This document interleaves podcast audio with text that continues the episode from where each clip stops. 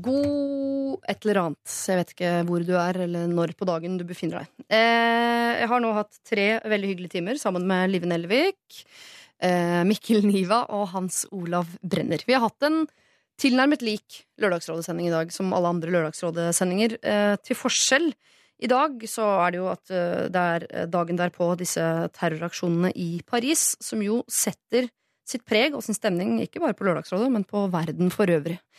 Eh, Det preger ikke Lørdagsrådet i noen sånn nevneverdig grad. Vi tok et ganske bevisst valg tidlig på morgenen om at vi kjører Lørdagsrådet som eh, vanlig.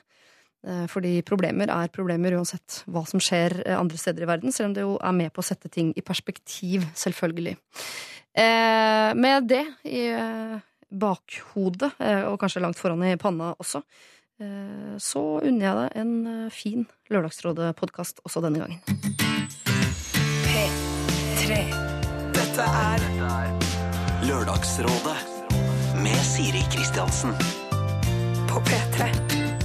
P3. Du hører på Lørdagsrådet. Klokken den er eh, snart syv over ni. Og vanligvis så sier jeg god morgen. Det er litt vanskelig i dag, fordi dette er ikke en veldig, veldig god morgen. Og nå kan det hende at ikke du skjønner helt hva jeg mener, fordi du kanskje i likhet med meg la deg tidlig i går kveld og sto opp til det du ikke ante skulle være en annen dag i dag eh, morges. Du har ikke fått med deg noen ting, kanskje, om terroraksjonen i Frankrikes hovedstad Paris i eh, går. Jeg la meg uvitende om det i går kveld og våknet i dag morges eh, til at min kjære lokfører kunne fortelle meg om hva som hadde skjedd i kvelds- og nattestimene i går. Eh, han hadde selv ikke fått med seg alt før han hadde sovnet, og syntes han kunne huske noe om at antall døde hadde oversteget 100. Men han var usikker på om han hadde sett eller hørt feil. Så vi håpet eh, i noen naive, men fine sekunder at eh, det bare var noe han hadde mistolket. Men så kunne jeg dessverre bekrefte at det nok stemte, etter å ha vært inne på NRK Nyheter på mobilen noen sekunder senere. Så satt jeg meg da i bilen og kjørte innover til vår hovedstad eh, i dag eh, morges. Og med NRK Alltid Nyheter som bakteppe så lurte jeg lenge på om vi i det hele tatt kunne gjennomføre en Lørdagsrådet-sending. Hva er våre problemer i dag, egentlig? Hva betyr de i det store og det hele? Kan vi problematisere et møkkete bokollektiv på en dag som eh, dette? Heldigvis så er hodene våre og følelsene våre såpass raffinerte, kompliserte og sammensatte at vi kan føle og tenke flere ting samtidig. En kjærlighetssorg forsvinner ikke selv om det skjer forferdelige ting eh, i verden. Vi er i stand til å tenke på og sende varme til det franske folk samtidig som vi har våre egne problemer. Og eh, om noe så kanskje kan sette ting litt i perspektiv.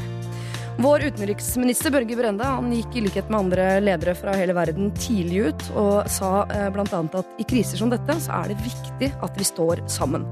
Og det er gode råd uansett hva slags krise vi står ovenfor. Jeg vil si at Hvis du har venner, familie i Frankrike, så ring dem. Får du ikke tak i dem, så ring UD, eh, oppfordres det til eh, nå. Og vil du vite mer, så er nrk.no og NRK Alltid nyheter oppdatert til enhver tid på det du måtte trenge av oppdateringer i dag og i all tid eh, framover.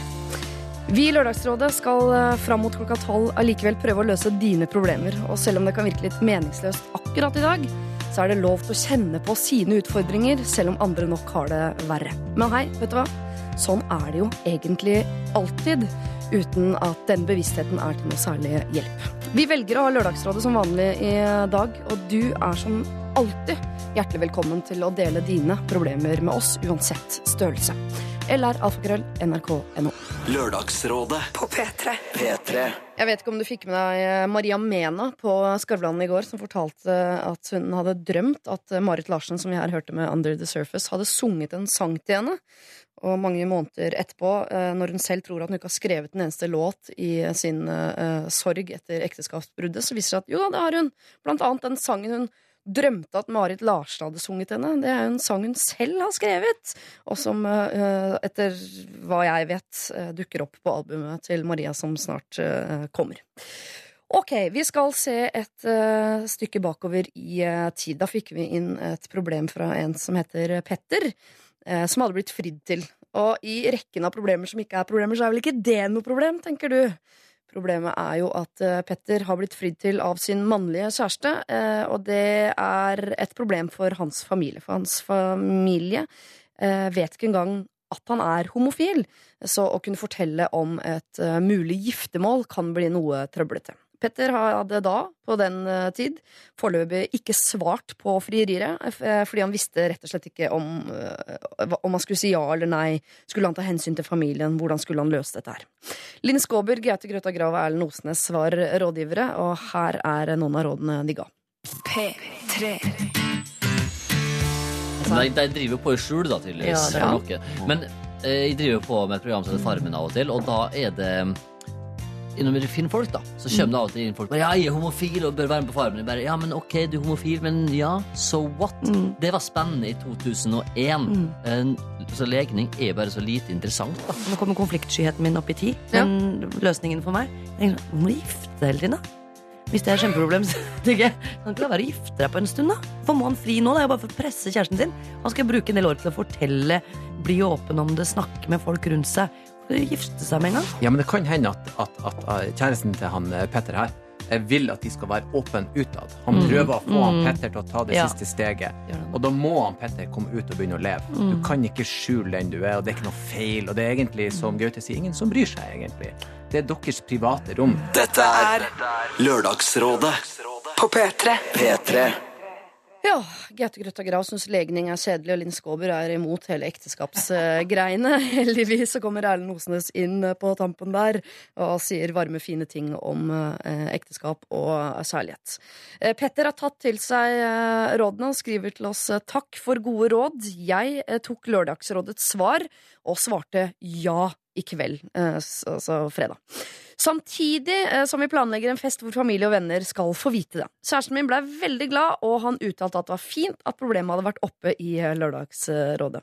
Det vil nå si at vi har eh, arrangert et ekteskap. og Det er ikke alltid så positivt, men i dette tilfellet så er det jo det. Og før denne kjempekjærlighetsfesten så skal det være en annen fest hvor man forteller venner og familie at man er homofil. Og det er en fest jeg føler at det burde være veldig veldig mange av i tiden som kommer. Det er en viktigere fest faktisk enn kanskje selve bryllupet. Lykke til, Petter, i særligheten kjærligheten framover. Dette er P3. Biffy Clyro med ja, Nå ble jeg usikker på om det var den første hiten de hadde, Bubbles. Eh, eller om det var andre, tredje, fjerde, femte, sjette eller sjuende. Og jeg har ikke tenkt å spørre Live Nilvek, eh, Mikkel Niva eller Hans Olav Brenner om de kan bekrefte eller avkrefte det. For jeg bare aner meg at det veit dere ikke. Ja, jeg husker jo Jeg går rett på, vet du. Jobba i radio. Jeg husker eh, Bubbles veldig godt. Eh, Jeg, men jeg, jeg, jeg, jeg kan verken Jeg tror det er andre. Første eller andre. Første eller andre. Ikke 34, 56. No, vi er ikke uti der. Vi er ikke uti der, nei. Nei. God morgen. Du høres litt slapp ut i um, fjeset. Nei, altså Det var det du som påpekte i sted, for jeg er jo gravid. Så sånn, Ja. ja. nå begynner det å komme dit hvor du begynner å bli sånn slapp i trynet. Alltid hyggelig å bli vekt med et kompliment. Nei, men, ja. Nei, eh, stemmen er jo bare Jeg har snakka for lite. Det er jo tidlig. Ja. Eh, Så det er, det, mm, det er unnskyldningen for det. Og trynet, ja, jeg er gravid, og da blir man gjerne litt sånn derre man blir sånn eh, oppblåst. Mm -hmm. Så selv så syns jeg at jeg begynner å få litt sånn kysselepper. Vanligvis har jeg bare to bitte små streker Ja. som jeg har fått av Et pappa. høl midt i trynet. Eh, Mer, mer det, ja. Eh, Men nå føler jeg selv, i hvert fall, trenger ikke å kommentere det, at, eh, at nå, er- nå er det liksom noe der, da. Ja, ja, ja. Vi skal ta et bilde senere i dag hvor du skal få muligheten til å si squash. Mens vi tar bilde av deg Skal vi se om det blir eh, noe ordnings på det. Er du nå over i det vi kaller høygravid? Eh, Det vet jeg ikke. Nei, nei seks, seks måneder kanskje, sånn cirka. Ja. Nei, det er vel ikke høygravid. Nei, det er kanskje ikke det. Jeg vet ikke helt hvor grensa går. Ja. God morgen, uh, Mikkel Niva, skuespiller, komiker. Uh, noe mer du vil legge til der? Nei, en fyr som er glad i livet, da. Fyr som er glad i livet. Ja. Livsnyter. Ja. Eh, God morgen, Hans, God morgen. morgen, ja, Det kan du legge til. Hyggelig. Hans Olav Brenner, Ja. eh, programleder. Er du forfatter nå, eller? Nei, det er jeg ikke. Eh, Men jeg har gitt ut to bøker. Ja, men Da er man forfatter. Ja, men jeg, jeg vil altså Nei, jeg føler meg ikke som det. At, eh, men eh, Linnea Myhre sier det. Eh, Ikke etter første kan man si det, men etter andre kan man si det. ja, ikke sant? Det, jeg tror det står forfatter kanskje på Wikipedia. Eller, det står litt sånn så jeg, Ja, jeg skal smake på det. Ja. Ja, men Er du ikke tatt opp i sånn forfatterlauge? Eller? Nei, for jeg har ikke skrevet skjønnlitteratur. Jeg har skrevet mer sånn eh, Mm. Gåtebøker. sakprosa-bøker, kan du si. da! Ja, Brenner. Store julekvissboka julequizboka kommer nå, så blir det tre bøker veldig Ja. snart. 25 ting du burde gjøre før du blir 30. Er de bøkene der, ja? Kagge forlag det er tungt på vei nedover, for å si det sånn. Dere, det er hyggelig å høre at dere er i så godt humør. Jeg må ødelegge det eh, litt, grann, dessverre, bare for å høre om dere er eh, Er dere litt skjelvne etter i går? Er dere redde, nervøse? Hvordan reagerer dere på sånne eh, store kriser som vi nå ser at har eh, skjedd i Paris? Jeg blir, jeg blir ikke skjelven, det gjør jeg ikke. Eh, det er nok eh, eh, Det er jo heldigvis, eh, på en måte, fordi det er et stykke unna. Altså, jo nærmere det er, jo mer skjelven blir man. Altså, jo mer du kan relatere til Altså, Hadde det vært i Danmark, så er det enda nærmere. Jeg relaterer mer til dansk altså, Sånn er vi bare skapt. Ja. Så skjelven er jeg ikke, men jeg leser jo uh, med skrekk og gru det som har skjedd i Paris. Og det blir jo på en måte bare verre og verre jo mer man nøster opp. Ja. Uh, ja. Blir dere redde, Mikkel? Hans Olav? Ja, ikke sånn redd på, på egne vegne i det hele tatt. Men jeg, det er klart, brutaliteten i det. Folk som løper tungt armert ut og skyter folk som er helt ute av stand til å forsvare seg på noe vis. Det gjør jo et voldsomt inntrykk. Og jeg så jo Denne nyheten kom jo veldig sånn eh, med, hva skal man si, veldig knapt i går kveld med, med skyting i Paris, og da er det jo i gang for meg, da. Da er jo liksom natta ødelagt på et vis. Altså, Da blir jeg sittende og, og lese ut i de små timer. Så jeg blir jo, blir jo besatt av det.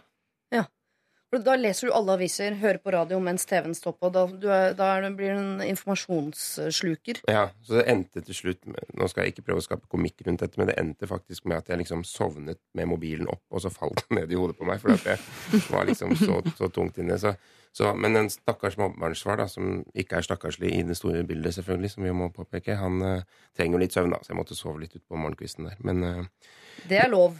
Det betyr ikke at du er et grusomt menneske, Hans Olav. Det nei da, jeg er veldig, veldig opptatt av at eh, empatien må, må stå frem her, Ja, ja. i det store bildet. Jeg må nok innrømme at jeg, jeg, jeg blir først, eh, først ble jeg veldig, veldig irritert. Jeg ble veldig sint på at, eh, at noen mennesker kan finne på å gjøre noen sånne ting. Og jeg, er så, jeg, og jeg skjønner det ikke.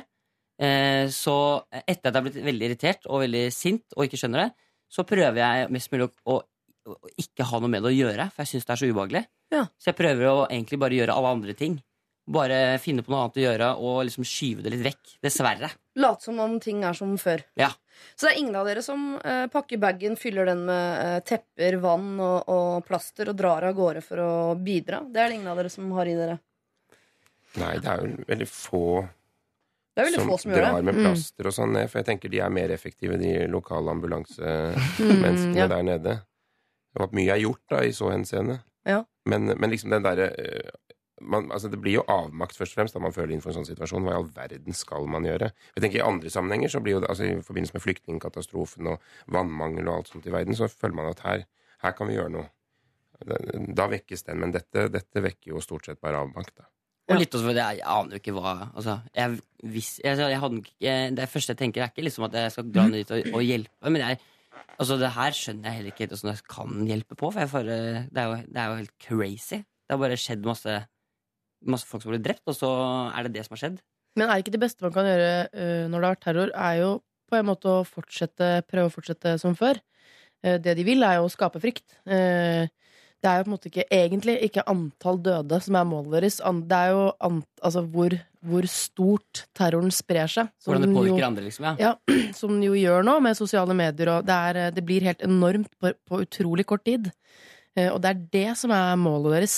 Eh, Jeg har hørt på, hørt på nyheter, NRK Nyheter på vei hit i dag. Ja. Ja, men Det er litt interessant, egentlig. Så jeg tror eh, Ikke sant? Og det er en sånn førsteimpuls som Jeg skal i hvert fall ikke til Paris på år og dag, tenker man først. Og så bare Jo, selvfølgelig skal jeg det. Altså, mm. Verden skal jo videre. Jeg har allerede sagt fra til uh, morgenfugllytterne våre om at vi kommer til å ha Lørdagsrådet som før i dag, fram til klokka tolv. Eh, så selv om det kan føles litt meningsløst kanskje akkurat i uh, dag, så skal vi som er her, gjøre vårt beste for å bidra til at verden blir bitte, bitte lite grann bedre.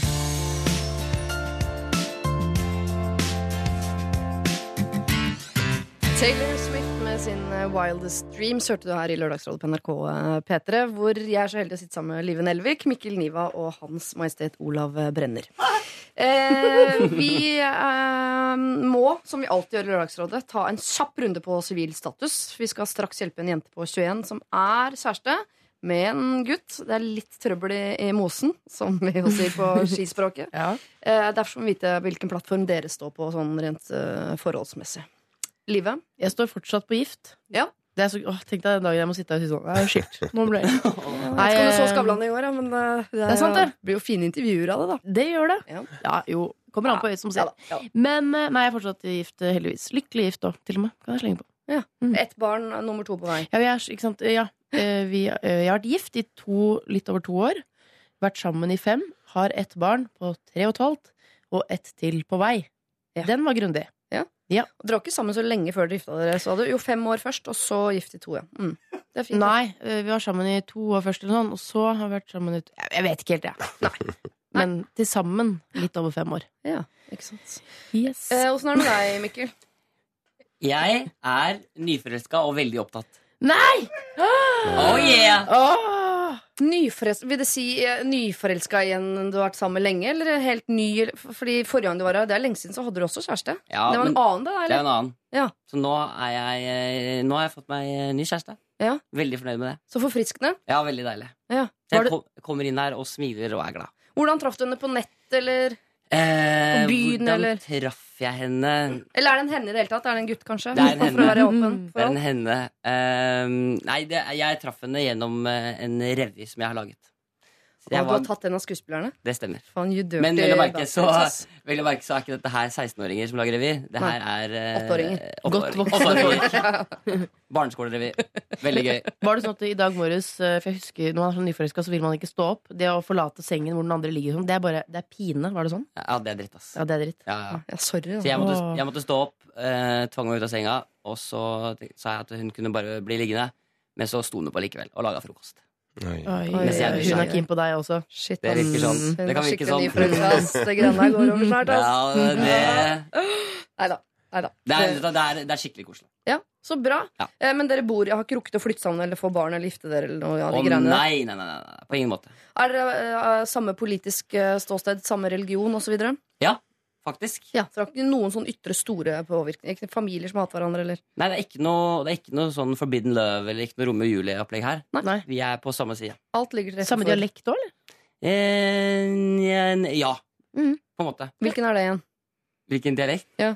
Eh, altså den her dialekta. Ja. Østlandsdialekta. Østlandsdialekta. Ja. Mm. Ja. Kunne være avsleppent uh, hedmarking. Jeg merker at Grunnen til at jeg på en måte prøver å være litt vag her, for jeg har ikke lyst til å si så mye om hvem hun er. Så jeg bare liksom Og vet vi det egentlig? Altså, nei, nei, nei, nei, nei. nei. Jeg har klart å gjette meg fram til hvem det er, jeg nå. Åh, er det Pia Tjelta? Ok, det er det. Du er rå, altså. Hans Olav Brenner, åssen er det med deg nå? Ja, ah, jo, kjempefint. Ja. Jeg koser meg. Men du tenker på i forhold? Ja. Um, jo, altså, apropos møtes på revy. Jeg er jo sammen med det mennesket jeg møtte på i teatret i 2000, år 2000. Vi satte ikke opp revy akkurat, men verdens eldste epos, Gilgamesh, om eh, en helts jakt på evig liv. Men det gikk ikke likevel. Men vi er Var dere fortsatt. skuespillere begge to? Hun var scenograf, og jeg var skuespiller. Hun satte opp et stillas som en del av scenografien, hvor den egentlige hovedrolleinnehaveren falt igjennom og slo seg og brakk benet. Så bra. Ja. Så da kom jeg, steppet jeg inn, og så ble vi sammen. Og så har jeg vært sammen i 15 år, gift i åtte, syv-åtte. Har to barn, en på tre, en på ett og et halvt. Ja. Og du er akkurat ferdig med pappaperm, du nesten, egentlig. Ja, Hvor du skulle skrive en bok og noe greier. Så vidt jeg kan huske. Og så Ja. beine bake noe surdeigsbrød og ja. Nei, surdeigsgreiene, det må jeg bare ha korrekt, for det var jeg veldig opptatt av for noen år siden. Da Det var det liksom, forrige barn, det. ja. Ja. Så nå er det jo blitt veldig stort her hjemme òg, men da Syns du surdeig er så godt altså? Jeg syns ikke det er verdt det. Nei, men det var liksom trendy, jakten på de der hullene, hullene inni brødet, liksom, som var eh, det store. Ja. Så jeg fikk til ett ordentlig godt brød. Resten var bortkasta. Det er hullene inni brødet som er det store. Ja. Jeg bare lar det henge der. Eh, dere, Nå skal vi hjelpe en jente på 21 år. Eh, hun kaller seg Elin, eh, og hun skriver Jeg er på en to og en halv måneders tur med tre single venninner til den andre siden av kloden. Jeg har nå vært borte i én måned. Jeg har en kjæreste hjemme som jeg har vært sammen med i tre år. Vi har ikke sett hverandre på eh, to måneder, og det er en stund siden jeg har snakket ordentlig med han. Altså, De har antageligvis et avstandsforhold i utgangspunktet. Det føles nesten som om han ikke fins lenger, men jeg er utrolig glad i han, og jeg savner han masse. Eh, men her om dagen var alle jentene ute på byen. Vi har hengt med noen briter i det siste, og han ene er veldig interessert i meg. Og jeg syns jo han er søt også, jeg, da. Han vet at jeg har kjæreste hjemme, men allikevel skjedde jo det at vi sysset litt den ene kvelden vi var ute. Jeg skammer meg veldig over det, men ingenting mer skjedde. Det var så vidt det var tunge. Så hva skal jeg gjøre nå? Burde jeg si det til kjæresten min altså med en gang? Jeg skal vente til jeg kommer hjem. Hva skal jeg si? Hvis jeg sier det, så vil han jo stresse veldig med resterende en og en halv måned hvor jeg skal være borte, men det føles eh, så rart å prate vanlig med han eh, hvis jeg velger å vente til jeg kommer hjem. Snylte han ikke for en og en halv måned på en måte hvis jeg ikke sier det med en gang? Mange spørsmål. Jeg er 21 år, og det er kjæresten min også. Hilsen dårlig kjæreste Elin. Mm. Her har hun jo uh, skissert opp en del valg. Uh, det eneste hun ikke skisserer opp, er å ikke si det i det hele tatt, så det slenger jeg i potten. Mm. Nuss med Britte på tur. Bare så vidt tunge. Det var jo en detalj som kan få avgjørende betydning i Ja. eh, domsavsigelsen her. Han kom ut og spør om det. Var det mel uten tunge? Ja. Nei, det var så vidt. Så vidt Så vidt. tunge spissen på tunga, liksom det Men det er tungen, det. er tunge. Ja. Um, altså det virker jo Først og fremst så må jeg bare oppklare det på en måte. Det virker som at hun er gira på å fortsette å være sammen med han. Ja. Kjæresten. Det, er ikke det, at hun, det er ikke det at hun har lyst til å nå liksom hooke videre med denne briten. Eller sånn. Hun har bare lyst til å si det og få problemet ut av verden og fortsette turen og komme hjem til kjæresten sin. Mm. Um, Ja, det er det. Og så sier hun om han briten ikke at det er kjærligheten, eller trolig er den mannen i hennes liv, eh, eller det mest fantastiske mennesket hun har møtt, muligens. Hun sier at han er litt søt. Ja. Og det er jo ikke så mye å, å, å slenge på at vi du skal basere tilværelsen på, på det. En litt søt fyr på tur. Ja, Briter på andre sida av kloden, de er farlige. Altså, det er en trussel mot eh, eh, forhold der hjemme, skal dere være klar over. En, sø, en søt brite, det Jeg har vært mye på tur. Ja. Sett så mye, det er ikke det jeg, den nasjonaliteten jeg stort sett har falt Å, for. det er den vakreste Ja, nasjonaliteten, for du, syns jeg. jeg vet at du Elsker liker det. Det er vanskelig å si noe som ikke lærer da, men og mørkerødt hår og brune øyne, da, det gjør det for meg, da. Ja. Men uh, la oss ikke gå i dybden på det. Eh, Men jeg, jeg, jeg tenker at um, nå, nå er jeg litt redd for at Tore hører på, for da høres det ut som mine grenser er ganske At de ikke er der. Men jeg syns faktisk at um, litt sånn lett nuss det trengs ikke å nevnes. nei. Nei, men hør nå her, da. og du med Ja. de nye leppene, liksom. Man kan ikke begynne å sette grenser for deg. Men det, det jeg mener, er på en måte Hun er på denne turen. Mm. Ikke sant? Jeg sier ikke lett nuss i min hverdag, eh, men hun er på en tur. Eh, Kjæresten er igjen hjemme. Hun er 21 år. Eh, Jeg bare syns det er litt sånn synd hvis det forholdet hjemme skal sette en sånn, være en sånn gediger fotlenke på hele turen. Eh, altså, og jeg mener, hun skal jo ikke gå all in her. Men det gjorde hun jo heller ikke. Hun syn, møtte en fyr som hun syntes var litt søt, og så skjedde det. Og hun er jo sånn lei seg for det. Ja. Jeg Ja. tror uh, det å skulle forklare at det bare var nuss uh, så vidt tunge Du trenger ikke å nevne så vidt tunge, Elin, men det blir storm i vannglass. Han kommer bare til å tenke at dere har ligget sammen med en gang. Og så er det jo, det høres jo kanskje litt ut som at hun har Siden hun angrer, og at hun har fått noen følelser i kroppen som fortalte henne at ah, shit, det er jo tross alt han der hjemme jeg har lyst til å være sammen med. Mm. Så kanskje hun er, Jeg er litt enig med deg, det er ikke nødvendigvis sikkert at hun trenger å si det. Så lenge hun eh, på en måte har innsett at det gjør at hun er mer glad i han som hun har der hjemme. Men dere skjønner at hun syns det er veldig rart å snakke med han vanlig på telefonen. Ringe hjemme Ja. og han spør sånn Ja, hvordan går det? Nei, vi har det skikkelig gøy. Og det eneste hun tenker på, er den lille tunga som berører den britiske tunga. Det eneste hun Mm. tenker, Men det eneste hun sier, er sånn Nei, ja, vi spiser kokosnøtter og bader og koser oss, vi. Tunge, tunge, tunge, tunge. tunge. Altså, det kommer jo til å, å, å Det preger jo hele kommunikasjonen mellom de to. Jo, men jeg tenker sånn, hvis eh, Nå prøver jeg å sette meg inn i den situasjonen at eh, altså 21 år og min kjæreste da var på en slags tremåneders tur Med tre single med tre single venninner, og Ja. liksom brutto utbytte av den turen var en liten nuss, altså det jo, må jo være kjempe Altså, det er ikke gærent, Nei. på en måte, sett fra forholdets ståsted. Eh, Godt oppsummert. Det er, det, er, det, altså, det er en fotnote i den store sammenhengen. Det er ikke redd det. for at det skal eskalere. Han var borte en måned til en og en halv igjen, allerede er tunga ute. Ja, det, altså innen, Siden den mailen ble sendt, eller hva det er, så kan jo dette ha endt på rygg. holdt jeg på å si, Men det er jo noe med at, at, at, at uh, altså, dette her må jo underkommuniseres. Virkelig. Og han er ute av minnet han der hjemme, for han har ikke sett ham på, på kjempelenge. Så, så følelsen kommer kanskje til å blusse opp igjen når hun kommer hjem igjen. Men det det, høres føles nesten som som han ikke fins. Nei, det høres ut som en bibelgruppe på tur, spør du meg. for en liten nuss blir ingenting. Nei. og det må ikke kommuniseres, for det høres ut som toppen av isfjellet som er blitt sagt der. Jeg lurer, bare, jeg lurer på også Jeg lurer på eh, Hvis jeg skal være kjæresten og Ja. prøve å tenke at det er han, så lurer jeg på om selv om det er skikkelig dritt at hun ikke sier det, så lurer jeg på om det er bedre at hun nå bare holder den tunga i munnen. Mm. holder den tunga rett i munnen.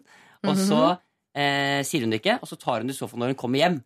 For da slipper den kjæresten å gå rundt og bekymre seg hele resten av turen. Ja. Mhm. Og så er det bare en bitte lite plaster på såret som rives av. Sånn, ah, jeg nussa én brite med litt tunge. Men det Ja. var det. og jeg skjønte etterpå at det er deg jeg vil ha. Og så kan han være kjempesint for det lite grann, men han slipper i hvert fall å gå rundt en ha halvannen måned til og være veldig sånn, bekymra for at det skal skje noe mer på den turen. Hvordan har dere Ja. reagert hvis kjærestene deres kom hjem og, og sa det som du sa nå da, Mikkel? Hadde dere bare Ja, det er tenkt at det var greit? Altså For meg så er det litt sånn dobbelt, for jeg vet at hvis det var jeg som hadde vært på tur og og begått denne lille nussen så Men er du 21 år nå, eller er du Nå er jeg faktisk voksen? i rolle som 21 Ja, år gammel. ja. Han er veldig god på på sitter? Eh, Så det, nå er jeg der nå, og det Altså, jeg har Ja. Altså, da, hvis jeg hadde nussa da, så hadde jo jeg knekt i avhør. Altså, jeg hadde ikke tenkt noe avhør. Jeg hadde ringt en halvtime etter det hadde skjedd, og, og erklært at jeg var verdens verste menneske, og, og jeg regnet meg nå var alt over og sånn. Men den generelle regelen kan jeg ikke basere på meg selv. Den generelle regelen er at hun må gjøre opp liksom, på sitt indre og skjønne at dette var en detalj. Ja. Eh, og, og, og skåne han for det. Kanskje, som du sier, rett og slett eh, kontekstualisere når du er vel hjemme igjen. For å få den beskjeden. Nå er jeg helt oppløst. Herregud, jeg syns du er så nydelig nå. Hans Olav bare Ja, Hadde man ringt får hjem- litt stifte seg med Hans Olav. Ja, altså. så utrolig for et nydelig, nydelig menneske du er. Eh, Det knekket en halvtime. Eller er du nå? Nei. Eh, men eh, jeg tenker jo også at det kan være lurt å vente til man kommer hjem. Fordi hvis den nussen er noe som hun eh, om to uker nå, etter litt kokosmelk og noe thai curry, glemmer det, det betyr så lite at hun tenker ikke på det, så er det ikke noe vits å belemre kjæresten med det, som da blir gående hjem og tenke masse på det. Men hvis hun kommer hjem og merker at jeg klarer ikke å se fyren i øya, jeg føler meg fortsatt som verdens dårligste kjæreste, jeg har, dette er et stort svik, osv. og så så må hun jo si det. Hvis ikke så merker han sånn Oi, du, etter å komme hjem fra den turen, så er du ikke helt til stede. Mm. Du ser meg ikke i øynene. Hva er galt, egentlig? Da, da ser jeg for meg at da rakner det jo til slutt uansett. Ja. Så er det bedre å si det eh, når hun ser han, hvis hun merker at hun ikke klarer å legge det bak seg. Ja, for Hvis ikke så blir det bare åh, det blir krangling på Skype, og da sitter venninnen og drikker kokosnøtter, og så skal du bruke eh, tre uker bare på, med dårlig stemning på Skype med å rydde, på å rydde opp med han. Ja. Og det, det blir bare surr. Men jeg bare, hvis du kommer hjem da og sier sånn 'Jeg klarer ikke å holde meg mer', det var bare en nuss, da jeg tenkte sånn Gud, så mye drama for en nuss. Jeg vet ikke, ass. Hvis man skal være sammen, tenker, hvis det skal være de resten av livet Nå er de bare 21 år, så hvis Mm. det virkelig blir dere, syns jeg det er utrolig søtt å heie på det. Men da tenker jeg en liten nuss, den kan gå ned i hemmelighetsposen. Mm. Ja. Over den lille, den ene jenteturen du fikk dra på her i livet. Før du liksom gikk ut i full jobb og Ja. Det er på den kontoen der. Finn frem et målebånd og finn ut hvor stor del av tunga som egentlig var i, i omløp. Overgår det 33% så er det høyst uakseptabelt. Og, og må bare også si at hvis det, eh, det betyr ikke at liksom, det er greit med flere små nuss i ny og ne. Det må være det eneste nusset. Og er det, øh, blir det ett nuss til, så må du eh, si Da er du ute. Da er du ute. Hvis du slipper noe flere kroppsdeler ut av buret sitt enn Ja. den der eh, 33% av tunga, da, da må vi snakke mer alvorlig om det. Men er det ikke en del, altså Det er i hvert fall mitt inntrykk av å ha kjent en del folk da i årenes løp, at det er en del sånne forholdsbekreftende aktivitet der ute som går ut på at man på et sånn tidlig stadium har etablert seg med et eller annet menneske, og så må man få noe rusk ut av systemet, og så gjør man det med en liten nuss pluss pluss, eh, som gjør at man finner ut at ja, herregud, dette var ikke noe trakt etter, jeg eh, fortsetter eh, som jeg hadde tenkt med dette mennesket jeg egentlig er sammen med. Mm, ja. Jeg husker, jeg, når jeg fikk min første sånn store kjæreste, så har jeg vært sammen i bare noen uker, så dro jeg på sånn heisatur til Hemsedal uten ski. Eh, og havnet i en sånn nussesituasjon som dette. Eh, jeg lurer på om mer enn 33% av tunga var ute, for å være helt ærlig. Og da så ble vi kasta ut av hotellet og sendt hjem. Dro jeg rett hjem til kjæresten min og gråt så mye så sånn Jeg har klina med Svein! og så sa kjæresten min da sånn det går helt fint. Ikke noe problem. Oi. Og da følte jeg meg helt teit som lå og grein og syntes det var helt forferdelig. Men det gikk helt fint. Ja. Vi var sammen i seks år etter det. Gikk helt, helt fint. Men det ble ikke dere, da. Det ble ikke oss, nei. Men jeg tror jeg, hvis det er den nussen det står på, da, da blir jeg veldig veldig overraska. Kanskje du skal prøve, hvis du skal si det Test og så prøv å si det på en litt sånn bedagelig måte, bare sånn random. Ja. Sånn at du ikke gjør det til noe stort nummer. Hvordan var turen? Det var fint. Og så var det et lite nuss der, men herregud, jeg elsker jo deg. Og så en apekatt. Og så så Ja, ja, var den turen. Ja, ja. ja. Eh, Elin, vi er nok enige om her at det var dumt, det greiene der. Men det er sånn som skjer. Ikke belemmer kjæresten din med det. Da kommer han til å bekymre seg nå eh, det resterende halvannen måneden på hva du egentlig driver med på den der turen din. Se om det er noe du klarer å putte ned i posen over ting man ikke nødvendigvis må snakke om. Eh, Men hvis ikke du klarer det, når du kommer hjem og ser han i øynene og ikke klarer å snakke nesten, hvis det er sånn, ja, da får du vel eh, bekjenne dine synder. Men bagatelliser det lite grann. Dropp det der tunge greiene, for eksempel. Bare si det som en sånn midt mellom noen historier om kokosnøtter og apekatter og noe greier. Så skal du se at det der, det kommer til å ordne seg.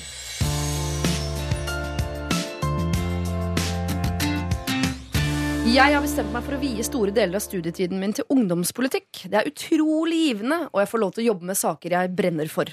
Og jeg får lov til å være med i interessante diskusjoner med hyggelige folk. Siden politikken tar eh, såpass mye tid, så er det stort sett bare der og på studiene jeg treffer folk. Og det hadde jo ikke vært noe problem hvis ikke det var for at jeg hadde forelsket meg i en i partiet mitt. Hun kom nylig tilflyttende for å studere, og er nå blant de mest aktive i lokallaget. Jeg har veldig lyst til å finne ut om det kan bli noe mer mellom oss, men jeg er redd for hva som kan skje hvis det viser seg at den følelsen min ikke er gjengjeldt. Må vi begge leve oss gjennom flere år med pinlige møter? Eller har dere noen gode triks uh, til å fiske eller hinte, da? Eh, eller må jeg bite det i meg for politikkfredens skyld? Hilsen Ulrik, enslig ungdomspolitiker 20. Enslig ungdomspolitiker. Det høres uh, stusslig ut. Um, er det noen metoder han kan bruke for å være helt sikker på at den dagen han forteller hva han føler, så, så sier hun at det føler hun òg? Nei. Det er jo det som er så spennende med Mm. hele denne fasen. Eh, når man er etablert, gift og sånn, så tenker man tilbake på det du opplever nå, Ulrik, som utrolig spennende. Men når man er i det, eh, så er det helt forferdelig. Man ris av følelser og eh, vil bare finne ut av om de er gjengjeldt så fort som overhodet mulig. Ja. Mm. Eh, ja. Det er jo litt som å sitte og se på skrekkfilm, og det er altså så skummelt, så skummelt. Man sitter og venter på Kan det ikke snart bli dag i den skrekkfilmen, mm. hvis ikke det er skummelt lenger? Og så blir det dag, og det er jo filmen selv, da. Ja. Ikke sant? Altså, jeg, jeg, jeg Det høres jo litt ut som at, eh, at han måtte tenke at han skal gjøre det litt som i film. Ja. Han har tenkt å liksom si sånn Hey girl, I love you. I'm loving you all the time. Og så håpe at hun liksom sier sånn Yeah, right back at you, og så bare kliner de. Fra talerstolen mens alle, hele politiske lokale reiser seg opp Ja. klapper og sånn. Og så Mm. bare gifter de seg med der og da, og det blir helt sånn furore. Men det er, jeg tenker at eh, man må bare ta det med ro. Han trenger jo ikke å liksom, Han trenger jo ikke å si alt med en gang. Han kan jo bare Eller det er i hvert fall det jeg tenker er en god idé, er at han bare prøver å få litt mer tid sammen med henne på forskjellige steder, tilstelninger, prate litt med henne, henge litt mer med henne. Og får noen gode samtaler bare sammen med henne for å liksom, bli litt bedre kjent. Og på den måten kanskje liksom kjenne litt på ah, Smiler hun, ler hun, hun, snakker hun med meg, er hun interessert? Er det et eller annet her? Og så kan man liksom prøve å liksom, sakte, men sikkert lese de signalene, og så finne ut eh, om eh, det skal bli noe mer. Kanskje de etter hvert altså Hun må jo etter hvert også finne ut om hun liker han i så fall. Så kanskje de kliner på en fest, og så blir det god stemning. Åh, det kribler. Åh, Ja, de liksom lever, lett er lett å leve seg inn i. Men altså, jeg tenker at altså, spørs litt hvilket parti det er, da. Hvorfor det? Jo, altså, jeg tenker sånn, har de, har de en eller annen form for sånn leir som man kan dra på? Og, og, altså, eller er det Kristelig Folkeparti? Kanskje de også har leir? Jeg vet ikke. De er leir. Helt sikkert. Ja, ikke sant? Så alle har leir, da, Ja. tenker jeg. Så da før eller siden så vil det komme en leir hvor du kan få utforsket dette her. Um, men det var snakk om partiet mitt. Jeg vet ikke om jeg skal ta det så bok- bokstavelig. Det er kanskje sånn man sier. Uh, men det ville bli veldig en slags form for sektleder med uinnskrenket makt, men antagelig ikke. Uh, legger den bort. Men altså det, det vil jo helt åpenbart bli veldig mange treffpunkter. Og Ja. disse studiesirklene som man har i partier, kan, jo, kan man jo snevre inn litt etter litt. Så til slutt så sitter bare de to igjen Ja. i sin egen lille studiesirkel. Studiesirkel? Hvor det liksom- hvor man- hva er det? ja, så man setter seg inn i et eller annet sånn politisk eh, tema på en Ja. veldig sånn faktabasert måte. Mm. Og så snakker man på overflaten veldig intenst og teoretisk om partipolitikk. Mm. Og så kjenner man liksom hvordan erotikken blomstrer rett under overflaten. Og så, i denne tomannsstudiesirkelen, så vil det bli umulig etter hvert å la være å kline. Men var det som ikke fikk lyst til å drive med politikk nå? Du fikk det til å høres så Ja, erotisk og deilig ut. Ja, men det er jo erotisk og deilig, Wow. tror jeg, veldig mye i den tidlige fasen. Ja. Så jeg legger til Ok, det er fredag kveld, da åpner en flaske rødvin, og Oh. dere snakker om, eh, om det skal være bomring eller ikke ved Drammen. Ja, Altså, ja, ja, ja. Det blir jo ikke mer romantisk. Nei, nei, fortsett. Eller Men eh, er, han, er Ulrik eh, Er han en slags eh, ung liksom, lederskikkelse, eller er det bare noe mitt hode har kokt opp nå? Nei, det kan være du da eh, tok til ordene til Hans Olav Brenner om at han snakket om mitt parti. Ja, det at var han det. var en slags, jeg tror det er kanskje det Det du er jo husker hans best. parti, så han eier Ja. partiet. Ja. Det tar jeg utgangspunkt i. Nei, men hvis man har litt sånn ansvar, så kan man kanskje mm, Ok, nå kommer det råd fra en som aldri har vært politisk aktiv, men hvis du skal liksom på grupper og sånn, så kan du, hvis du er liksom litt oppe i systemet, så kan du uh, gjentatte ganger sette deg og henne på samme gruppe. Ja. Altså sørge for at dere hele tiden At eh, dere møtes med jevne mellomrom. Og så tror jeg at det store treffpunktet er, som Hans Olav sier, det er leir. Leir, ja. Ja. Wow. Men samtidig òg uh, dette vet jeg ikke sikkert, for jeg, jeg vet jo ikke noe mer enn det som står her, men jeg får inntrykk av at han er fra dette uh, stedet mens hun har kommet tilflyttende for å studere på dette stedet. Mm. Så det er jo en, eh, en fremmed som har kommet til hans bygd. Så allerede der så har han jo eh, litt sånn overtaket Mm. i forhold til å kunne eh, vise henne ting, eller ta henne med på ting, eller Mm. Det er jo det, det, det livet sier. For at, ikke sant? Eh, Ungdomspartier er jo både sånn eh, hierarkiske, og så er det fri flyt samtidig. Og det må man jo holde litt styr på. Så hvis han er en slags leder, så er det klart han må være liksom påpasselig med hvordan han agerer vis-à-vis en som er lenger ned i systemet. og sånn. Dette har vi jo mange eksempler på, at man bør holde langt fremme i bevisstheten. Men liksom det der i seg selv, å tenke at det blir altså For det var jo hvordan blir det å sitte med dette mennesket rundt bordet år etter år? Eh, Hvis vi har hatt en pinlig, et pinlig forsøk på en affære uten at det, Altså, det må man drite i. Tenk hvor pinlig det egentlig er på? Stortinget, Sånn hvis du har fått høre om Sånn alt som skjedde julebordet. Ja. Jeg, jeg tenker også det at eh, ehm, Ikke la det være det som stopper deg fra å prøve. At du er redd for at det skal bli rart etterpå. Ehm, for det første så er jo det at du, det at du helt tatt viser henne at du liker henne, er jo bare et kompliment til henne. Ja. Så, sånn at, sånn at det, det er jo først og fremst bare veldig hyggelig. Og så, hvis det viser seg at det ikke kommer til å fungere, så øh, er det kanskje vondt øh, og litt rart øh, en uke eller to, liksom, men det går over, liksom. Det Det går kommer, over. kommer jo litt an på hva slags approach. Jeg tenker sånn Ja, det, er det, jeg mener. Så Ja. er derfor, det er derfor jeg ikke må liksom si det i kantina på Blindern. Liksom. Alle sammen! Slipp Mm. gaffelen og hør! Jeg elsker denne dama! Ja. Det må du ikke gjøre. Eller stå på vannski på leir med sånn banner etter sånn 'Jeg elsker deg, vil Ja. du bli min?' eller sånn. Ja. Men når ble det sånn at vi måtte uh, sjekke og si ifra og proklamere kjærlighet før man eh, er på den leiren og man tilfeldigvis bare kliner, og så tar man stilling til dagen etter om man egentlig liker hverandre?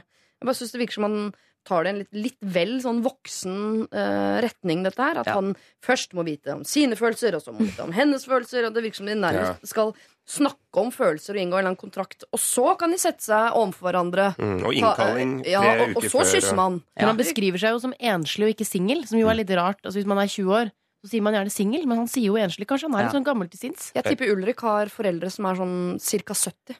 Ja, Mm. Men vi høres ut som er veldig vant til å liksom forholde seg kanskje litt til litt sakslist, og at innkallingen må være i folk i hende minst eh, så og så mange dager før. Og Ja. Det er noe med å liksom vri seg litt eh, løs fra det der partipolitiske, eh, saksmessige gitteret som man kanskje er litt fanget i. da Og skjønne at kjærligheten følger innimellom litt andre lover enn partipolitikken. Men da har jeg et forslag, fordi eh, leiren er jo ikke før om sommeren som oftest. Det er jo da man er på leir. Hvis han er gira på å liksom, get it on eh, ganske raskt, så vet jeg at eh, Blindern eh, har mange gode eh, For han er på Blindern, ikke sant? Hvor får du blinderen Jeg, fra? vet ikke, jeg, bare følte han har, jeg bare tenkte at han er sånn statsyter. Jeg. Jeg tenkt, Nei. Samme av det. Yes. Uansett, Blindern de kan jeg fortsatt si, har mange gode tilbud på sånne fine liksom, hytter. og sånn. Så kan du leie en fin hytte, lage en tur, arrangere, lage en agenda. Ja.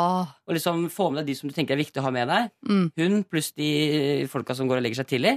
Og så arrangerer du hyttetur, tar ansvar, og får liksom de stundene der. Ja, for da gir han seg, uansett om han har noen lederposisjon i dette eh, ungdomspartiet eller ikke, så gir han seg en slags lederrolle ved å være han som arrangerer den vinterhytteturen Yeah. for hele partiet. Og Mm. der Hvorfor er du skeptisk til det, Jeg er bare skeptisk er til å være resepten. ja, nei, jeg er bare skeptisk til å være arrangør. Fordi som arrangør eh, Si de hooker opp, eh, liksom. Våkner Mm. opp i samme køyeseng, eh, for det er det sikkert på sånne litt sånn billigere hytter. Helt sikkert. Em, så på morgenen der så kan ikke han ligge sånn og slumre med henne og ta en runde til. Da må han stå opp og rydde flasker og passe på at hytta ser fin ut. Liksom. Ja, men Da får du bare sånn kjipt ansvar, og, og du kommer ikke til å ha det gøy på festen og kunne snakke med henne så mye som du vil, for du kommer til å være urolig for at folk må oppføre seg, og vinduer må ikke bli knust og sånn. Det er så slitsomt å være arrangør. Jo, men hun, eh, denne jenta som han er forelsket eh, i, er nå blant de mest aktive i lokallaget. Det vil si at hun setter nok mer pris på en fyr som nettopp hjelper til å rydde flasker og Ja, okay, sørger for at ting skjer, enn han fyren Ja, ja. som står naken til Avicii til klokka fire om natta. altså, det er jo helt, Unnskyld, altså, Unnskyld, ja. vet du hva? Jeg snakket som om det var meg. Ja. det er helt, jeg er mer den Avicii-typen. det er jo helt perfekt. Også, også hvis han, altså, jeg tenker, Bli så lenge som mulig på festen. Bli kjempefull, vær våken til klokka fem. Ja. Liksom. Og så bare vær han fyren som tvinger deg opp klokka halv sju-sju. Du bare skal opp, og så står du og lager frokost, og du har rydda. Sånn at når hun våkner og alle andre våkner, så er du han fyren som bare sånn Halla, folkens. Det er sexy. Det er sexy Ikke sant? faktisk. Mm.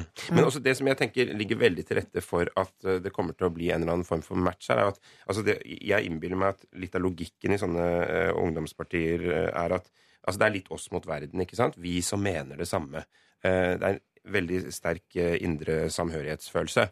Og da blir det liksom, når du er sammen med de, så blir det også litt sånn at uh, de erotiske følelsene skal jo få et utløp, og da blir det sånn man tager hva man haver, på et vis. Ja. Så det er veldig mye som ligger til rette for at at matchen oppleves som veldig sterk uh, og opplagt i en sånn setting, da, hvis man på en måte er litt isolert fra resten av verden. Mm. Med mindre hun er en sånn type som søker spenning i å ha et forhold til en fra et helt annet parti som har helt andre synspunkter. Så de bare de krangler og kliner som Gustav fyker hver eneste dag. Men hvis det er sånn, så er Ja. ikke de meant to be. Nei da, da er det kjørt. Da, er det, da har han i hvert fall, da har han i hvert fall prøvd. Jeg, tror- jeg syns ikke han skal være redd for å prøve seg. Og går det ikke, så får, de bare, så får han bare komme seg eh, gjennom det. Mm. Det kommer til å gå bra. Ulrik, da vil jeg si at uh, denne særligheten du opplever, det er ikke en gåte du skal løse før du eh, velger å gjøre noe som helst. Det er en uh, totalopplevelse som du bare må hive deg inn i. Men det er klart du ber om trips, uh, tikk, eh, ikke trips og tics, det får du ikke her. Du ber om eh, triks og tips for hvordan du kan, eh, eh, om ikke annet, få henne litt på glid. Og nå har vi jo da bedt deg om å arrangere en hyttetur nå eh, til vinteren for lokallaget. Der skal du være altså on top of things. Du skal være både være med å feste, være med å rydde, du skal lage frokost, og du skal våkne opp da eh, øverste køye sammen med denne eh, kvinnen med klærne på. Jeg Har ikke funnet på noe tull, ikke sant? Det er bare litt sånn noe ung kjærlighet, dette her. Og så kommer du til å våkne da tidlig på morgenen, glad som en laks, og klar for å rydde flasker og steke eggerøre. Lørdagsrådet med Siri Kristiansen. På P3. P3. Justin Bieber synger eh, 'Sorry', og det er jo egentlig noe vi burde bli flinkere til å si alle sammen. Er du flink til å si unnskyld, Liven Elvik? Mm, Nei. hva, se, er jeg virker jeg som en type som ikke sier unnskyld? En sånn ja, kanskje litt. Og så en Ja. sånn person som må tenke seg om uh, såpass lenge før svaret kommer, er avslørt i min bok. Ha, Jeg, jeg, jeg, jeg er i hvert fall ikke så verst. Jeg syns ikke det er eh, utrolig vanskelig å be om unnskyldning. Jeg tror ikke det. Åssen er det med deg, Mikkel? Eh, nei, jeg sier nok unnskyld ganske mye, ja. Ja. Jeg, jeg, jeg sier det nok, ja. Ganske, jeg er ikke redd for å si det. men Hvorfor, er- sier du det så mye? Eller bare Han gjør mye dusteting. Jeg Ja. jeg føler jeg tar for mye plass i den verden der. Ja. Sånn som nå, for eksempel. Unnskyld, Ja. det var ikke meningen å prate så mye. Nå skal jeg prate mindre. Det er lov å sånn, svare på direkte spørsmål. Ja, unnskyld, jeg skulle snakke Ja. mer. Hans Olav? Åh, jeg, altså, en av den nordlige halvkules aller beste på å si unnskyld. Ja. I den grad at det kan liksom vippe litt over i å bli litt sånn selvrettferdig og, og selvgodt, kanskje. Jeg vet ikke, altså. Prøver bare å være selvanalyserende her. Men, um, nei, men jeg bare kjenner igjen sånn, litt sånn typen som Live Nelvik er, da. Som, sant, som jeg kan be om unnskyldning, men innerst inne sitter med en følelse av at hun har rett. Dette er min analyse av deg. uh, mens jeg er veldig sånn dialog med Ja, vet du hva, det du sier er veldig interessant. Jeg innser at jeg har gjort en feil. Unnskyld! Der, der er jeg. Der Men det kommer jo an på. Nå bare kom jeg på noen eksempler hvor jeg er meget raskt ute med å si unnskyld. Og det er Jeg er nemlig mm, ekstremt distré. Eh, Så til stadighet så kan jeg for eksempel finne på å ta med meg Tore sin mobil eh, på jobb, så plutselig har jeg to mobiler, for de er jo helt like. Og da er det sånn åh, unnskyld. Eller at jeg eh, tar med meg bilnøkkelen på jobb, og så er han hjemme. Den lå i jakka mi. Altså sånn, det, er, det er veldig slitsomt å leve med meg, sånn sett. Ja, Der er jeg raskt ute med å be om unnskyldning. der er det god, men jeg tenker mer på sånn kom- kompensasjon og sånn. Dette Ja. skal jeg gjøre godt igjen nå, for jeg føler meg så fæl. Men du tenker på mer sånn følelsesmessig du, ja, du har klina med typen til venninna di. Nussa med litt unge, for Eh, ringer du og sier unnskyld, eller bare venter du på at det skal gå over? Og dropper hele dama? Måtte, lar henne skli ut av vennegjengen? Øh, ja. Nei, der er jeg ikke så raskt ute med å si unnskyld, altså. Det er helt riktig. Nei, ok. La det ligge. Eh, Vi skal til eh, England eh, og møte blant annet Tonje, som er student der. Jeg er på mitt siste år, og i år har jeg flyttet sammen med en annen norsk student. Dette går veldig fint, vi er gode venner og kommer godt overens. Men jeg, nei, vi fikk en genial idé om at vi kunne lage middag til hverandre annenhver dag. På den måten sparer vi både tid og penger.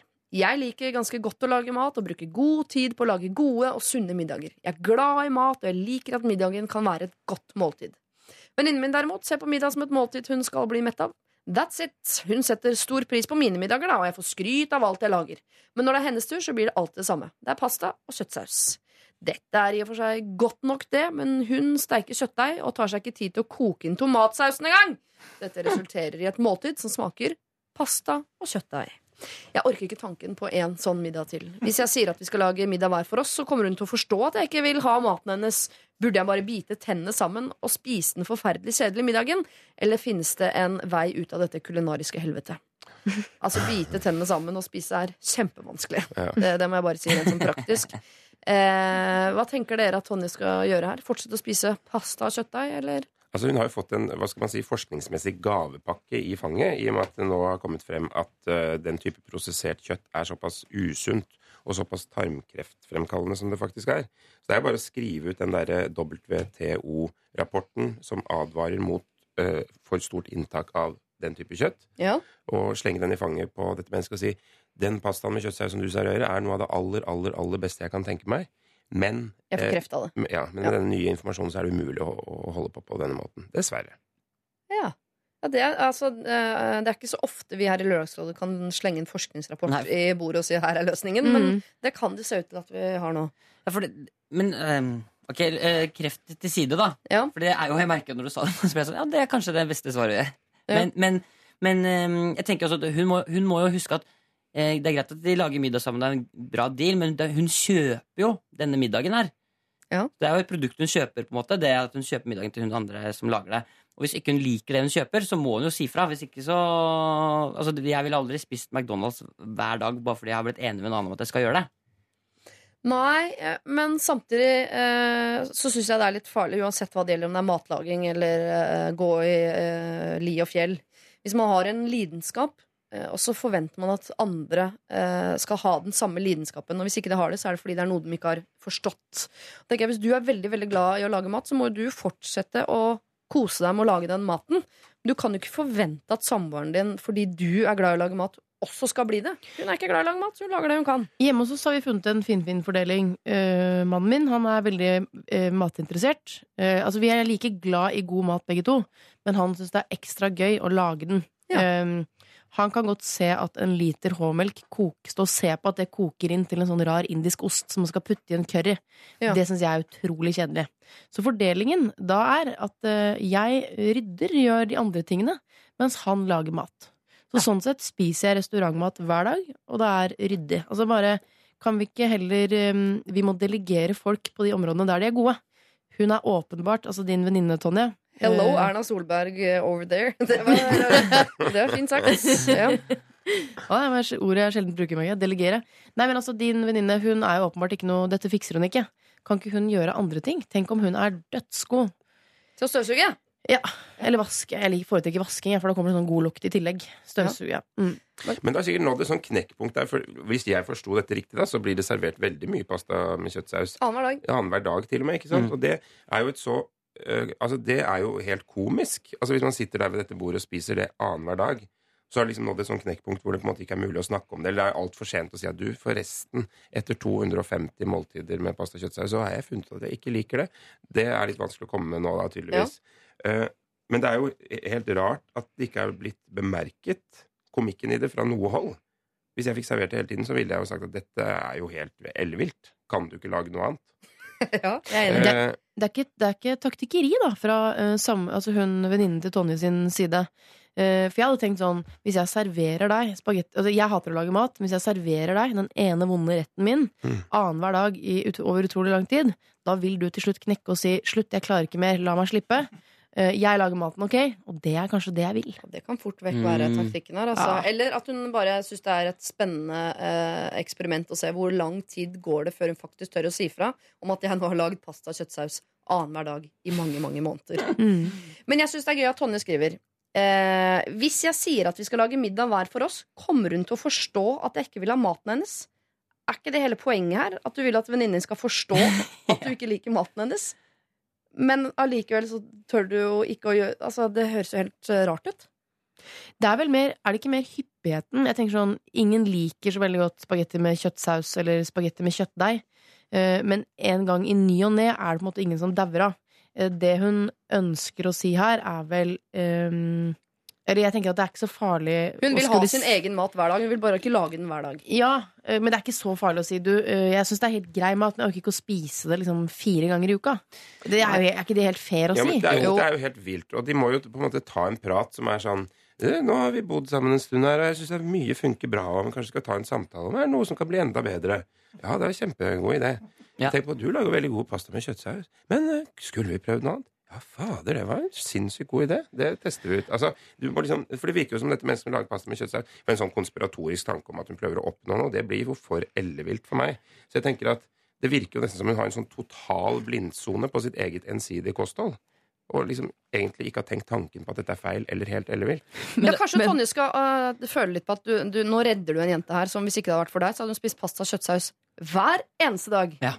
Så vi må jo redde henne fra hennes kulinariske helvete. Ja, og svaret på om altså, Du må jo da se, er hun like hva skal man si, monoton og ensidig på alle livets områder? Liker du tinestyrt, eller hva man skal si? Eh, så øker det i hvert fall sjansen for at, at dette er en slags sånn blindsone, da. Eh, Og ikke noe konspiratorisk. Men jeg, jeg tenker bare at hvis, hvis hun skal ta den, eller når hun skal ta den samtalen, Mhm. så tenker jeg at hun må ha noen forslag på bordet til hva de kan gjøre for å gjøre det bedre. Ja. Eh, og et forslag kunne jo for eksempel være at de sier at de skal lage mat annenhver dag, men for eksempel på søndager så lager de mat sammen. Herregud, høres ut som et par. Ja. Ja, Men det er det jo allerede I undertøy, da? Ja, ja. Sender bilder. Ja. Men, eh, men eh, altså, et eller annet med å komme med konstruktive ting. Liksom, at de lager noe sammen. Eh, setter opp noen lister. Hvilke typer retter er det de begge liker? Altså, jeg bare mener at Det høres allerede ut som de er 2 et par. Men Fordi er- de skal lage mat annenhver dag til hverandre. Hun er ikke interessert, vet du. Hun venninna til Tonje. Hun er ikke interessert i mat. Nei, jeg, jeg, så hun lager sammen, og hun driter i det, hun. ja, men det skjønner jeg, men hvis hun Ja. driter i det hvis, hun, hvis, hun, altså den, hvis det fra den samtalen viser at hun driter i det, Ja. og det kommer til å bli pasta og kjøttdeig hver dag, så må de jo drite i å, å lage mat sammen. Eller sånn annenhver dag. Da kan jo ikke den avtalen der opprettholdes, for hun vil jo ikke ha den maten. Da må hun gå ut av den avtalen. Men Tonje, hvis du er veldig For nå tror jeg jeg har en løsning. For hun, hun gruer seg jo til å skulle si til henne at 'jeg liker ikke den maten'. Hva med å måtte bare knekke henne? Kan ikke du også, hver gang du skal lage mat, så lager du også spagetti og kjøttdeig? Så til slutt så vil jo hun venninnen din si Hvis du er seig da, Tonje, så vil hun si sånn 'stopp, jeg klarer ikke mer'. Jeg gir meg, ikke sant? Og så finner hun på en ny rett. Mm. eh, Gulrotsuppe, for eksempel. Og så er det det, da, hver dag. i jeg foreslår at hun lager eh, For jeg er enig i det du sier, men at hun lager eh, spagetti og kjøttdeig bare litt bedre enn det hun andre gjør. Sånn at hun skjønner at oi, jeg lager bare sånn vanlig spagetti og kjøttdeig, men denne spagetti og kjøttdeigen var litt mer fancy. Og da skjønner hun oi, jeg må, jeg må, jeg må uppe det litt, liksom. Men jeg bare tenker Så sånn dere går for en løsning som er hinting over lang tid. Ja. Ja. Ja. Jeg går ikke for det, for jeg tenker sånn terrorbalanse og opptrapping over tid og sånn, det ender jo i en form for atomkrig som ingen er tjent med. Eh, altså jeg tenker at her må man sette seg ned. Det er på en måte veldig pedagogisk og kjedelig. Men også må man ta litt på seg selv. Så hun som faktisk står for et mangfoldig kosthold, hun må si Altså, jeg jeg lager jo mat til deg annenhver dag, og vet du hva, jeg plages med det. At jeg har for få retter å spille på. Jeg syns det blir for ensidig og kjedelig. Kan vi sette oss ned og lage en liste over middagsretter som fins i verden, som vi kan lage? Og så fordeler vi dem oss imellom, sånn at vi får et litt mer mangfoldig kosthold. For jeg må bare legge det på meg. At jeg blir for ensidig i utvalget av, av retter. Men venninna til Tonje kan ikke lage jambalaya. Det hører Nei, vi jo, liksom. Fiskeboller, da. Ja, okay. Jambalaya! helt, ja, det syns jeg er helt farlig, og det må uh, sies at Tonje kan ikke forvente at denne romvenninnen også skal bli en sånn kulinarisk interessert, eh, kokkeaktig type som, uh, som koker en ting fra bunnen av. Det får hun Mm. ikke oppnådd. Nei. Så jeg synes nesten uh, det beste må være som hun kan spørre Har du muligheten til å lage noe annet innimellom. Eller så får hun uh, krydre sin kjøttsaus som hun spiser. Eller så syns jeg det er en veldig god idé at Tonje står for matlaging. Mm. Eh, de deler utgiftene på det, selvfølgelig, for jeg regner med en stor del av det. At de skulle dele utgiftene. Eh, og så gjør venninnen de andre tingene. Hvis det er nok andre huslige ting, da. Eh, vi må huske på at de skal spise middag hver dag. De kan ikke vaske gulvet hver dag i et bokollektiv. Det blir litt mye. Så da må det være andre ting hun kan gjøre istedenfor. Men så får jo Tonje liksom holdt på med hobbyen sin, da, tydeligvis, som er å lage god mat. Men, Ja. men, hvis, men bare sånn hvis det ikke, de kommer fram til noen deal hvis, ikke, og hvis hun, La oss anta at altså, eh, anta at hun ikke er god til å gjøre husarbeid heller. da At hun ikke vil det heller. Så er det lov å bare si at jeg eller, altså, Du trenger ikke være så direkte, men bare si at maten du lager, den, er ikke jeg, den passer ikke helt for meg. Jeg vil lage min egen mat. Ja, jeg, vil, jeg er også brutt ut av dette samarbeidet. Jeg blir Ja, så irritert av det. av det. Så at Dette er ikke helsemessig å spise alt det der i kjøttet. Jeg gidder ikke å gjøre det mer. Eh, takk og farvel. Ja. Og Jeg er enig i veldig mye, jeg er bare ikke enig i at de skal droppe den løsningen. Jeg synes det høres utrolig smart ut at de både økonomisk og sånn tidsmessig lager mat annenhver dag. ja, det er kjempesmart, men Veldig, veldig lurt. De er så nærme en helt perfekt løsning. Det er bare den der kjøttsausen som står i veien uh, her. De er ikke nær en perfekt løsning i det hele tatt. Hun lager bare pasta med kjøttsaus, så det går ikke opp for dette mennesket at det er helt ellevilt. at Ikke før hun det. sier det, i hvert fall. Hun må si at den kjøttsausen eh, Da må hun legge den eh, forskningsrapporten i bordet. Det må du gjøre, Tonje. Eh, du må si at du ikke liker eh, kjøttsausen hennes, for det gjør du jo ikke. Og da vil du jo at hun skal vite det. Spørre om hun kan lage noe annen type mat. Ja, Ellers må du fordele oppgavene annerledes. Et siste argument er jo begge studerer. Jeg tenker, Hva slags eksamen avlegger du med kun spagetti spagetti og kjøttdeig oppi skallen. Altså hva slags, kun, hva slags kunnskap fester seg med den type eh, næring, tenker jeg da. Det Ja. må, her må mer grønnsaker inn i Ja, altså Hun kan jo bare si at hun er blitt vegetarianer, eh, med fare for at hun da bare blir servert pasta selvfølgelig fremover. Pasta med saus. Jeg får ikke sausen. Det er Bare pasta. Tomat er bare tomater, eller ketsjup, men ja. Ja. Oi, oi, Tonje. Jeg, eh, her er det mange gode råd, og du kan selvfølgelig bare plukke og mikse og holde på som du vil. Eh, men jeg syns at det samarbeidet dere har inngått, er så på sporet av, hvert fall. Noe som er en veldig, veldig god løsning. Dere må bare kanskje fordele oppgavene litt annerledes. Eh, få henne til å lage litt annen mat. Eh, altså det er bitte, bitte små justeringer du må gjøre for at dette her blir et eh, perfekt samarbeid mellom deg og venninnen din. Dette er Dette er P3. Maria Mena, der var hun altså igjen. Eh, la meg jo med Maria Mena på netthinnen i går etter å ha sett henne i Skavlan, og jammen så dukker hun ikke opp i livet mitt også i dag. I Don't Wanna See You With Her, som vel er en ganske gjenkjennelig følelse. Har dere hatt den? Ja. Nei? Ja? livet. Jeg har jo det eh, Jeg sier som, sier som Maria Mena sier. Even though it was my choice. Mm. Eh, For det er alltid viktig å er understreke. Jo, men ikke sant, Det er ikke jeg som ble dumpa her, jeg dumper deg. Eh, Det syns jeg er fint. en ærlig ting å skulle si. Eh, Så er, handler det om at jeg vil ikke at han skal Nå snakker jeg om tidligere forhold. Det skjønner jeg. Vil jo ikke at han skal ligge med andre, liksom. Nei, ikke Jeg- uten å jeg- tenke på deg, i hvert fall. Jeg syns Nei, ikke sant. Det det er veldig viktig. Men uh, jeg syns tanken på ligging er verre enn det der leie langs gata. Jeg Men jeg føler det er det Maria Mena er portretterer. Ja. Jeg kanskje jeg er litt mannesinn. Ja, men det er jo bare, det er bare ligging man bryr seg om. Ja, det er det er det. Holde hender og sånn, liksom. Det, Dele en latte og holde i hånda, det Å, nei, driter det jeg må i. du ikke gjøre. Nei. Men det går ikke Ah. opp sånn verselinjemessig. I don't wanna see you think about you Sleep. being in bed with her. Be... I don't wanna see you in bed with her. kanskje det går. Hvis du går sånn bad with her, da, da går det opp. Ja, det går opp. Hvis du hører på Maria, så vurder en alternativ eh, versjon, da. Som du kan slippe på det tyske markedet eller et eller annet. Som jeg kan tjene meg igjen. Ok, eh, dere kan jo ta med den tanken videre på hva er det som er verst, egentlig. Tanken på at noen leier har et følelsesmessig involvert eh, forhold, eller tanken på at noen ligger med hverandre. Eh, Hans Olav Brenner, Mikkel Niva og Live Nelvik er rådgivere, og Karen lurer på. Mine foreldre har vært gift i 40 år og har fått oss tre barna sammen. Min mor er i 60-åra, min far er i 70-åra, og de bor i en liten bygd der alle kjenner alle. For noen år tilbake hadde vi barna mistanke om at mor hadde et forhold til en annen mann. Vi spurte henne rett ut, og da svarte hun at hun kunne forstå mistanken, men at det ikke hadde skjedd noe fysisk, og at de var bare gode venner. For noen måneder siden fikk jeg en SMS av min mor. Der sto det 'suss og klem'. Hun sa etterpå at meldingen var sendt feil, at den skulle gå til et av barnebarna. Det var ikke likt henne å sende slike ord til noen, og jeg begynte å ane ugler i mosen. Men konfliktsky som jeg er, så lot jeg som om jeg kjøpte forklaringen hennes. Så. Her om dagen skulle jeg hjelpe min mor med noe på telefonen hennes. Hun hadde glemt å lukke SMS-innboksen før hun ga meg telefonen. Og da så jeg tilfeldigvis at hun hadde sendt en melding til denne mannen. Der sto det 'nattakos'. Jeg ble så forfjamset at jeg igjen lot som ingenting. Det siste jeg ønsker, er at min far skal få vite om dette, da han er en snill og godtroende eldre mann med skrantende helse. Om det skjedde noe fysisk mellom min mor og den andre mannen, vil jeg helst ikke tenke på, men jeg syns det er vel så ille at det er snakk om en forelskelse. Denne mannen er i samme situasjon som min mor, han er gift og har flere barn. Og jeg vet at om dette skulle komme ut, så hadde det vært den sosiale død for dem begge. Jeg har holdt dette skjult for mine to søsken, da jeg ikke vet om det vil gagne noen om flere får vite det. Jeg tenker at sjansen for at min far får vite det, er større jo flere som er involvert. Samtidig vil jeg jo ikke at forholdet mellom min mor og denne andre mannen bare skal eskalere. Så hva gjør jeg? Skal jeg stikke hull på bobla og risikere et enda mer anstrengt forhold til min mor i framtiden, siden dette da blir en hemmelighet mellom meg og henne?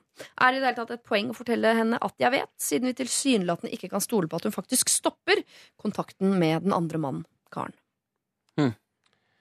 Var det mye sure surefjes her? Ja, altså, det her er litt altså, Eller tristefjes? Vi er er så skuffa. Vi blir så skuffa over utroskap. Det Maria Mena-låta sitter fortsatt i meg. Ja. Jeg- Kan jeg bare si først at mm, jeg syns eh, eh, det å finne ikke sant, noen sånne meldinger man ikke skal se i foreldrenes innboks, det har jeg vært spart for, heldigvis. Uh, men jeg syns på en måte at det hun fant, var litt uh, Det var litt søtt. Eh, Det er sånn nattakos og suss og klem. Altså Det er ganske sånn uskyldige ting. Ja. Eh, Det var ikke av det groveste kaliberet. Eh, Så først så tenker jeg det var litt, det var litt deilig. At det ikke var, eh, at det ikke var grovere og ja. Men Men vi har jo allerede bare si det, etablert at du tenker litt sånn som menn ofte tenker når det kommer til utroskap. At det er den inn- og ut-biten av det eh, fysisk som er den verste. Mens for mange jenter så er det verste nettopp den derre Ja. nattakos, holde hender, dele en kaffelatte. Og så må jeg si at um, suss og klem i, Altså hvis du er 60 For hun var 60 år, var det? Ja. 60 år, ja. Ja, så hun er liksom ganske gammel, da. Og da, når du begynner å bli gammel, så sier du, du sier ikke lenger kjæreste. Du sier bare sånn følgesvenn eller en, en god venn. Ja. Og det er liksom kjæreste. Ja. Så suss og klem og de tingene der betyr nok litt Jeg syns jeg, jeg, synes jeg, jeg synes er mistenkelig mye suss og klem til å bare være en kompis. Og så mener jeg at suss og klem er kode for eh, knull og sæd. Akkurat som følgesvenn er kode for kjæreste. Ja, Ja, du mener at altså, er knull og sæd fordi man er 60 år, da? Mm. Ja, ja, det, Det er det jeg mener. det er 60-årenes, eh, 60-årspersoners svar på sæd og, Mm. Du klarer ikke å si det andre ordet. Jo, der kom det. Gammel er du, Mikkel? Jeg er usikker på om jeg skal velge mellom pul, knull eller sex og samleie. Men det viktigste er altså En ting er den oversettelsesbiten av dette, som selvfølgelig er veldig interessant i seg selv. Men det viktigste er jo at dette er none of her business. Her er det en generasjonskløft som ikke fins. Altså, hvorfor i all verden skal hun engasjere seg i dette? Med den begrunnelse at de begge vil oppleve den sosiale død, sier hun. eh, hvis dette kommer ut, og hvis flere får eh, vite om det. Og da er det en eller annen sånn fasadetankegang eller et eller annet engasjement i foreldrenes ve og vel som hun bare må ta et litt oppgjør med, tror jeg, og distansere seg ganske kraftig fra. Ja, jeg eh, Altså, hvis, hvis moren min Hvis jeg hadde oppdaget det her hos moren min, Mm. eh, så hadde jeg eh, tatt med meg moren min, satt meg på en kafé på et sted hvor det ikke er mange andre mennesker, og så hadde jeg snakket med henne om det. Sagt det sånn som det var. Jeg har sett denne meldingen. Hva betyr det? Og du må være helt ærlig mot meg. Er det noen ting mellom deg og en annen? For hvis det er sånn, så fortjener verken faren vår, faren min, og, eh, å ha det sånn. Eller jeg. Og, og jeg syns også det er kjempesynd at hun må sitte og eh, bekymre seg over dette. For det er jo i utgangspunktet ikke henne som, hun som har gjort noe galt. Så hun må, jeg mener at hun må snakke med moren sin og finne ut av det. Men hvorfor skulle du engasjere deg i det, da? Fordi det er like Fordi han har sett de meldingene. for det er like mye min familie som det er eh, moren min og faren min sin familie. Det er jo en enhet. Familien er jo en enhet. Og Nei, ikke hvis du er voksen. På den måten. jo, jeg mener jo at eh, hvis Altså, jeg ville engasjert meg i min mors eh, eh, eh, forhold nå hvis hun hadde vært utro mot eh, stefaren min, for eksempel. Det jeg tror Karen engasjerer seg i, er nok ikke nødvendigvis den sosiale død. Eller, og jeg, jeg, er på måte, jeg er på mange plan helt enig med at dette her har du egentlig ikke noe med. Hvis foreldrene dine lever i, i en eller annen eh, situasjon som fungerer for de, hvor hun har et eller annet på å si, han vet, altså Hvis det fungerer for de, eh, så har ikke du så mye med det. Men det, jeg tror hennes liksom, engasjement ligger i at hun syns synd på pappaen sin. Mm. Og det er noe veldig fint. Han er 70 år, han har dårlig helse, vet ingenting om mors uh, eskapader.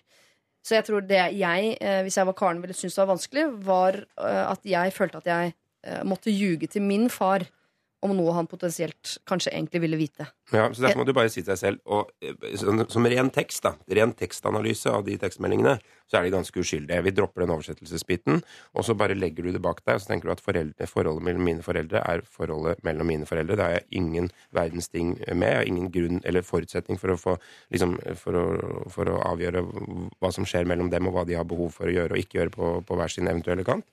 Eh, og bare legge det bak seg. Jeg, er så, jeg er ikke enig i det, fordi eh, for meg så er liksom familien min er liksom bautaen i livet mitt. Må, det er liksom tryggheten for meg.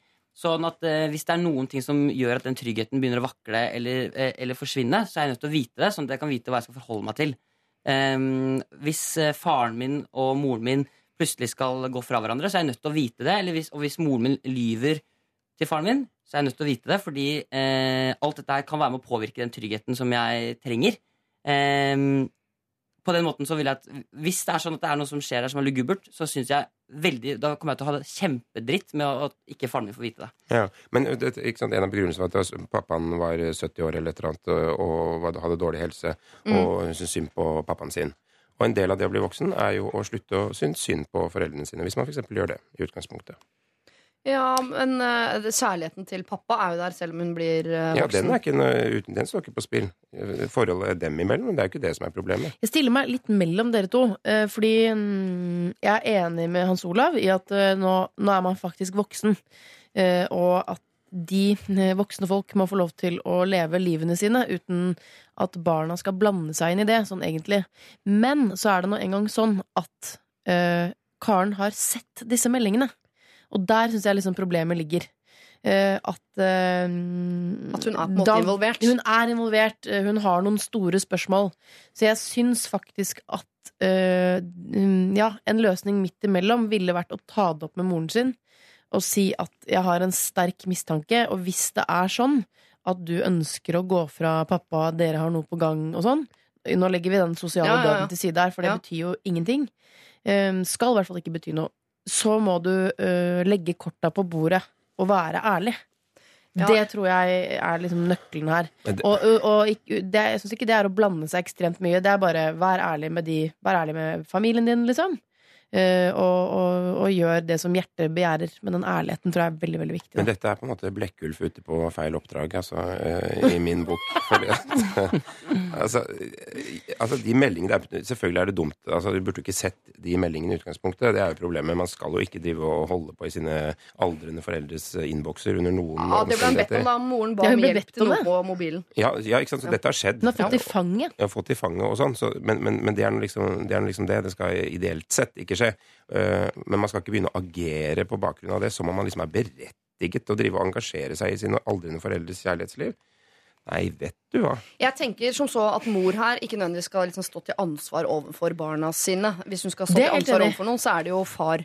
Men jeg, jeg, jeg liker allikevel eh, Jeg liker på en måte eh, engasjementet til Karen overfor far. Jeg syns ikke det skal være så veldig overfor mor. Fordi det, man, det du snakker om, Mikkel, i forhold til at det er min familie, og nå tryggheten forsvinner og sånn Hvis motivet hennes er at å ja, potensielt kan dere gå fra hverandre, og da blir min julaften litt annerledes fordi foreldrene mine er skilt, eller Da tenker jeg det ikke, dette har ikke du noe med. Sånn er det bare. Foreldrene di- dine driver med sitt.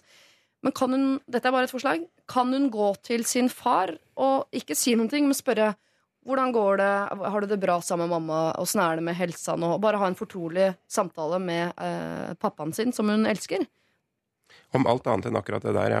Kjempegod idé. Jeg er litt enig, eller jeg ser ikke helt hva som skal komme ut av det.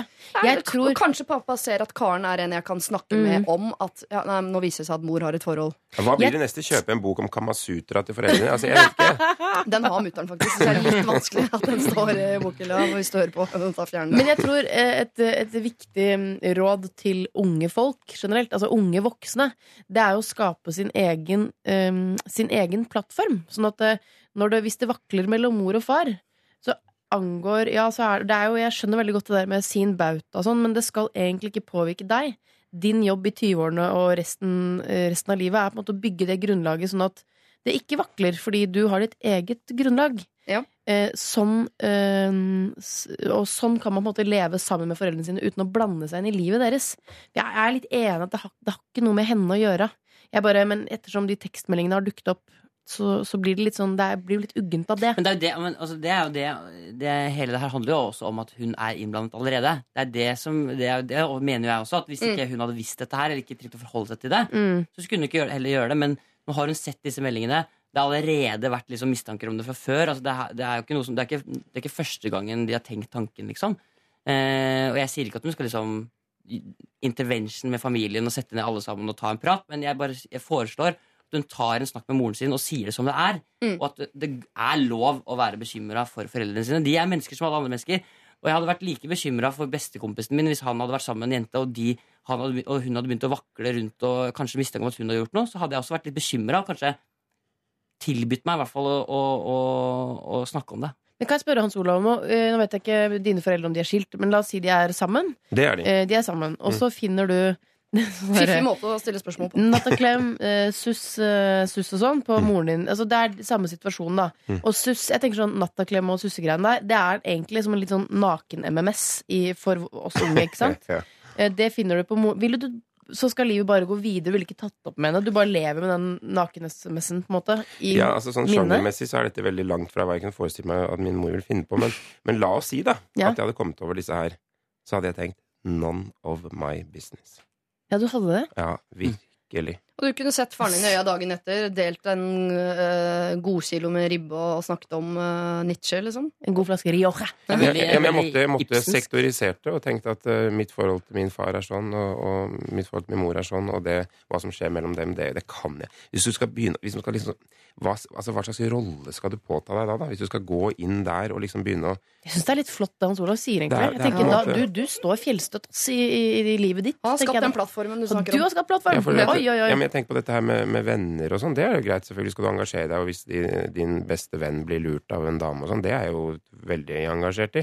Men, men, men mine foreldre, de, de må styre sine liv. Det på egen hånd. Ok, Så det er eh, klarsignal til mora til Hans Olav. Og det, er, og det er noe helt annet enn å bry seg om dem. Det er to det er jo liksom ikke du, Det som jeg ikke skjønner, er fordi du ville jo ikke, jo ikke gått og kjefta på det eller satt dem på plass. Du ville jo bare vist din bekymring overfor moren og det forholdet moren og faren din er. Så du tilbød bare å si du jeg er litt bekymra for dere. Eh, Er det sånn at jeg trenger å være bekymra, og er det eventuelt noe eh, jeg kan eh, bidra med, eller skal vi prate Ja, om Nei, for du skal ja, ikke det bidra. litt Ikke bidra. ok, okay, okay. Du spurte tilbake. Minus bidra. Er det, kan jeg få lov til å prate om det fordi jeg er bekymra for dere to som et par? Eh, Nå virker det som om Karen her eh, faktisk eh, Jeg er enig i at hun eh, må ta et steg til siden, for hun engasjerer seg nok eh, litt for mye her. For hun sier er det noe poeng å fortelle henne noe når jeg vet at hun uansett ikke stopper kontakten med andre mannen? og sånn? Hun tar det litt personlig, som om mors sine eskapader er sånn et angrep på barna og på hele institusjonen og på alt. Og det er det ikke. Eh, Dere har blitt voksne, dere skal ha skapt deres egne plattformer, og mor og far på en måte har sitt eget liv, og hvor de driver med ting som er bra, ting som ikke er bra. Men jeg syns du skal bevare på en måte eh, det gode forholdet du har til din far. Og hvis dette, at du har sett de SMS-ene, noe som jo involverer deg noe du egentlig ikke har noe med å gjøre, hvis det på noe som helst måte klusser til ditt forhold eh, til din far, så skal du selvfølgelig gjøre noe med det. Det skal du ikke godta. Eh, hvis det klusser til ditt allerede litt vaklende forhold med din mor, som gjør det enda dårligere, så skal du ikke godta det heller. For selv om dette ikke har noe med deg å gjøre, så blir det jo det da hvis det gjør at forholdet mellom dere i familien eh, blir dårligere mellom alle. For det er noen hemmeligheter der, og grums er grums, osv. Så, videre. så i det så syns jeg du selvfølgelig skal eh, få lov til å snakke med mor om hva du har eh, sett, eh, men så må du også godta hennes svar. Hvis det nå er som du frykter at hun har et forhold, og det har hun tenkt å fortsette med, så er det hennes valg og ikke noe du har noe med å gjøre lenger. Ok, Litt absurd øyeblikk her nå. Eh, Hans Olav Brenner eh, proklamerer Bibelen, og jeg spiser kylling. Eh, vi- Hvor er vi egentlig? Lørdagsrådet, NRK og P3. Gå og tygge ferdig. Lille, Er det grilla kylling, eller hva er det? Hva er det Grilla kylling, ja. Jeg syns det er en helt OK lunsj. Jeg jeg og alle håndverkere der ute. High five! ok, la det ligge. Eh, dere er rådgivere i dag. Det er veldig eh, koselig. Eh, Live, du har et barn og ett på vei. Mm. Eh, Hans Olav, du har to. Ja.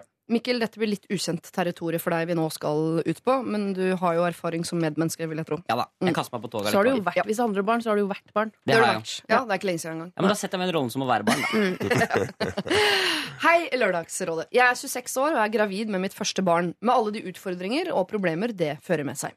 For jeg var jo klar over at det å skulle være gravid og bli mamma for første gang kom til å føre med seg noen problemer. Jeg hadde bare ikke sett for meg akkurat dette. Jeg er ansatt i en mellomstor bedrift med ca. 50 ansatte. Der har jeg noen kollegaer som, som jeg nesten aldri prater med, noen jeg godt kan prate med dersom vi møtes i lunsjen, og noen jeg har blitt god venn med. En av kollegaene mine er på min alder, men vi har ikke så mye til felles. Jeg vil derfor si at hun er en sånn som jeg gjerne slår av en prat med i lunsjen, men fint klarer meg uten å prate med også. Hun ser derimot på meg som en god venn, og det er her problemet ligger. Denne kollegaen har fri på onsdager, og hun bor bare et steinkast unna meg. Hun har fått det for seg at hun skal komme på besøk til meg og babyen hver onsdag mens jeg er i permisjon. Første gang hun sa det, lo jeg og pjattet med og regnet med at hun bare tulla. Eh, Det gjorde hun ikke. Hver gang vi møtes, prater hun om hvor utrolig koselig det skal bli når vi skal onsdagskos, og hun har begynt å lage en liste med kaker og bakverk hun skal ta med seg. Jeg vil jo eh, virkelig ikke ha henne på besøk hver onsdag. Jeg liker jo henne ikke så godt engang. Så hvordan kommer jeg meg ut av den suppa? Det er to måneder igjen til permisjonen starter, så det haster eh, litt. Hilsen kulemag på tur inn i barselbesøksmarerittet. Altså, det er en kjempefin tittel på en bok. Først gratulerer. Ja. Eh, Så jeg kaster opp på dine vegne. Uh, det- vet du hva? Det er det verste. Ingenting som gjør meg så uh, provosert og sur uh, som sånn folk som skal trenge seg på. eh, trenge seg inn i min sfære. Prøver bare å være hyggelig, da. Nei. Nei. Det, å, fytti katta. Her, hyggelig. Altså, eh, man merker om en relasjon er, går begge veier. Eh, i, i, hvis jeg har lyst til å bli venn med noen, så merker jeg ganske raskt om det mennesket liker meg også. Det er som å flørte med noen. Eh, og her mener jeg Her har hun hoppet over noen signaler, hun kollegaen din. Så hun kommer hjem til deg med, med, på bakst hver onsdag. Å, fy faen! Ja, da blir du kvalm på ordentlig. Jeg blir Ja, ja, ja Men det kan jo hende her at frøken Kulemage er veldig god på å øh, spille spill i forhold til å være sånn utrolig blid og sjenerøs overfor mennesker hun treffer, og så går hun inn i hula si etterpå og er sånn Hun der tåler jeg ikke trynet på. Altså, Det er en kunst. Som rolle som barn, da, Mm. så vil jeg tenke at eh, jeg kommer til å være ganske sliten når jeg blir født. Eh, og derfor så syns jeg også høres utrolig slitsomt ut å komme en hver onsdag som skal drive og dulle. Hun har Og, vel baks, da. jo, men ja, mest sannsynlig så er jeg sikkert glutenallergisk også. Ja. Og tåler et eller annet jeg Ja, ja. sikkert ikke tåler. Kanskje du har kolikk òg? Det er slitsomt. Ja, så jeg er ikke spesielt keen på Mm. å få besøk av en sånn slitsom, dullete dame hver onsdag. Altså Barnet her og mor her vil heller ikke ha besøket, og øh, så hende sympatisere med innsender. Åssen er det med deg, Hans Olav? Jo, altså jeg tenker at alle som prøver å liksom lage seg hva skal man si, faste avtaler og regler i andres liv eh, basert på egne ønsker uten egentlig å forhøre seg om det er greit, de bør man jo være litt på vakt mot, selv om eh, eh, hva skal man si, det er et slags vennlig utgangs, eh, utgangspunkt på sett og vis. Eh, men altså, det én ting som fascinerer meg, er liksom den der grunnleggende konfliktskyheten som veldig mange mennesker lever med, meg selv inkludert, som gjør at man ikke klarer å si oi, oi, oi. oi. Dette er helt urimelig at vi skal gjøre det hver onsdag, men kjempehyggelig hvis vi en gang iblant osv. Det får man seg liksom ikke til å si. Det er jo fascinerende i seg selv. Men det som er med det der å få barn, da, sett fra en fars perspektiv, er jo at eh, du da beveger deg inn i det totale kaoslandskapet. Som gjør at eh, mødre og fedre for den saks skyld, som liksom skal prøve å komme seg på en sånn veieavtale på helsestasjonen eh, fordi barnet kanskje veier for lite, eller hva vet jeg. Eh, Altså, det er jo med nød og neppe og, og, og med, en, med en slags innsats over alle støvleskaft som gjør at man så vidt klarer å nå sine faste avtaler. Sånn at å liksom institusjonalisere en fast onsdag med et menneske som ikke strengt tatt trenger å være der, det, det harmonerer overhodet ikke med den fasen man beveger seg inn i som småbarnsforeldre. Ok, Så alle her sympatiserer i høy grad med frøken Kulemage. Eh, Hvordan eh, får vi da eh, frøken Onsdagskos til å forstå dette? Og uten å bli helt knekt også. Vi kan jo ta et lite hensyn også til frøken Onsdagskos, fordi hennes intensjoner er antageligvis at hun har lyst til å tilbringe en, hver onsdag med en hun anser som en god venninne. Altså, jeg kan ikke skjønne hvor, uh, hvordan den, den onsdagskos-personen skal bli knekt av at man sier Du, det er så mye større for meg å få et barn enn det jeg trodde. Eller så mye mer slitsomt. Det tar mye mer tid. Vet du hva? Jeg tror faktisk at jeg trenger eh, onsdagene mine for å være, til å være for meg selv framover. Så kan jeg heller sende deg en melding eller ringe deg hvis jeg har lyst på besøk. Men du skjønner jo ingenting, for Ja. du er jo akkurat født. Ja, jeg vet det, så jeg har jo nettopp lært meg å prate. Men det er jo kjempegod idé. Så at det er onsdag. Uh, Kjempelyst til å treffe deg onsdag. Da, Er babysang, eh, da må jeg være alene, for det er litt babysang, og da blir jeg, Ja. det blir jeg veldig veldig sliten av. barnesvømming Men- og yoga. Torsdag passer utrolig bra for meg. Å ja, men jeg jobber da.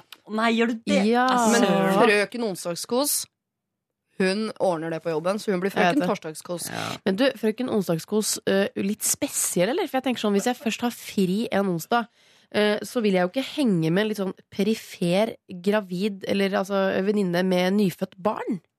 Det er litt sånn Hånden som rører ved vuggen-filmreferanse der. Ja. Aktig. Eh, du, vil jo, du vil jo gå på tapasbar og spise liksom sen lunsj og kanskje gå innom Sara.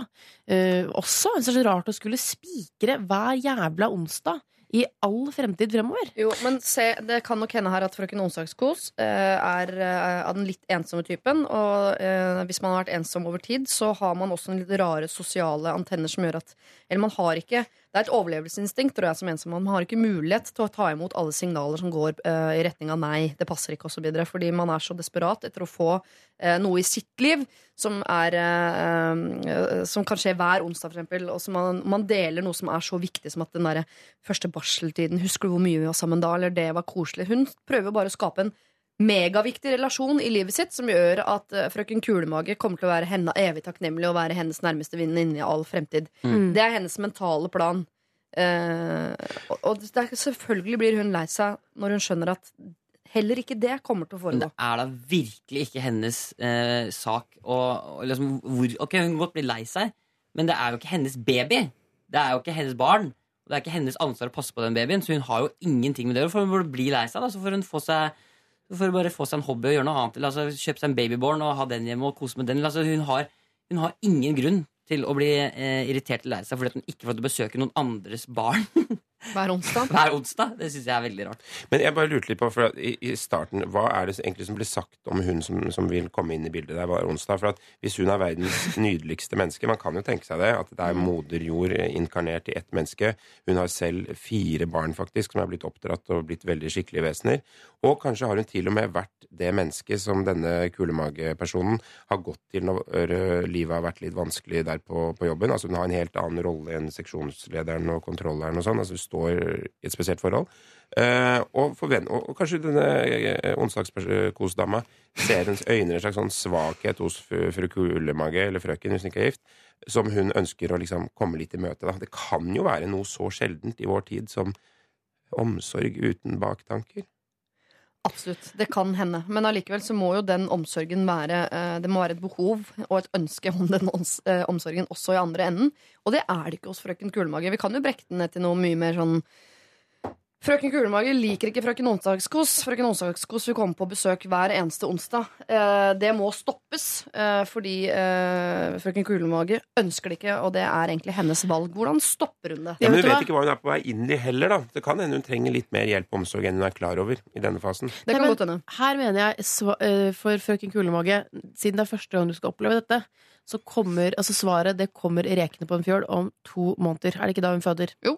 For da, skjønner du, eh, min venn, da, eh, det er som Hans Olav sier, da er det det totale kaos.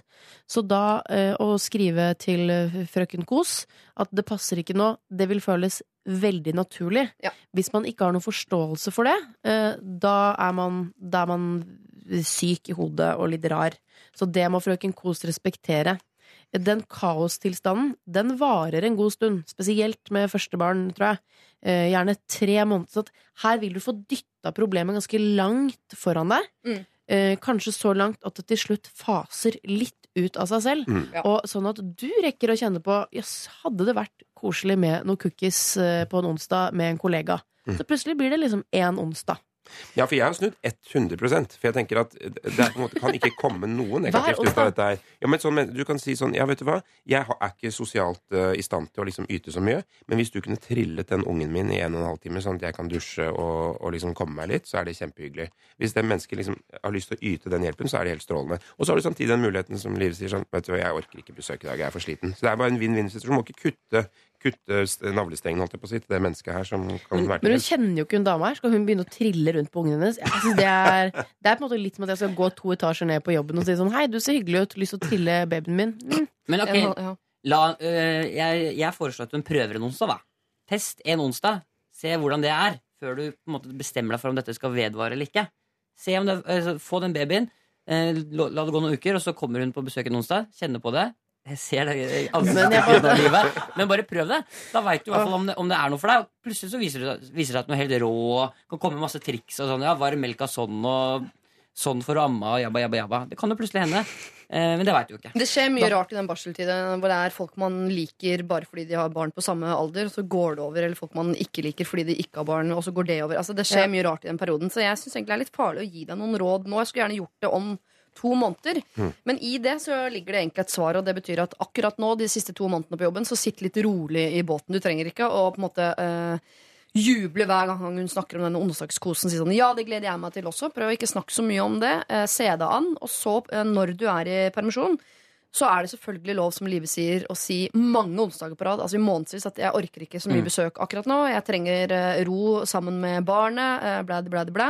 Og så, hvis du har et snev av lyst eller et snev av overskudd eh, til å prøve det, så kan du gå ut og trille en tur med denne eh, onsdagskoskvinnen.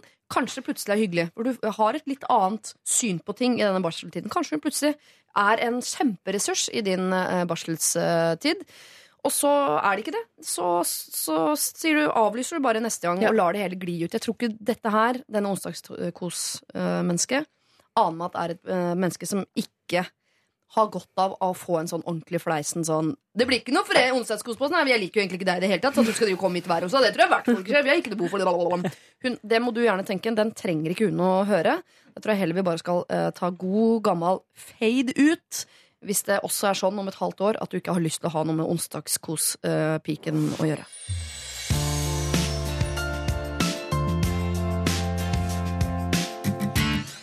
The Weeknd, dette her med låta The Hills. Og dette er sikkert noe som folk som kan mye om musikk, kan uh, også mye om. Men uh, jeg lurer på om det er en liten sånn uh, Er det en liten hyllest i denne The Hills-låta til hun som synger om The Hills i utgangspunktet, fra gamle dager?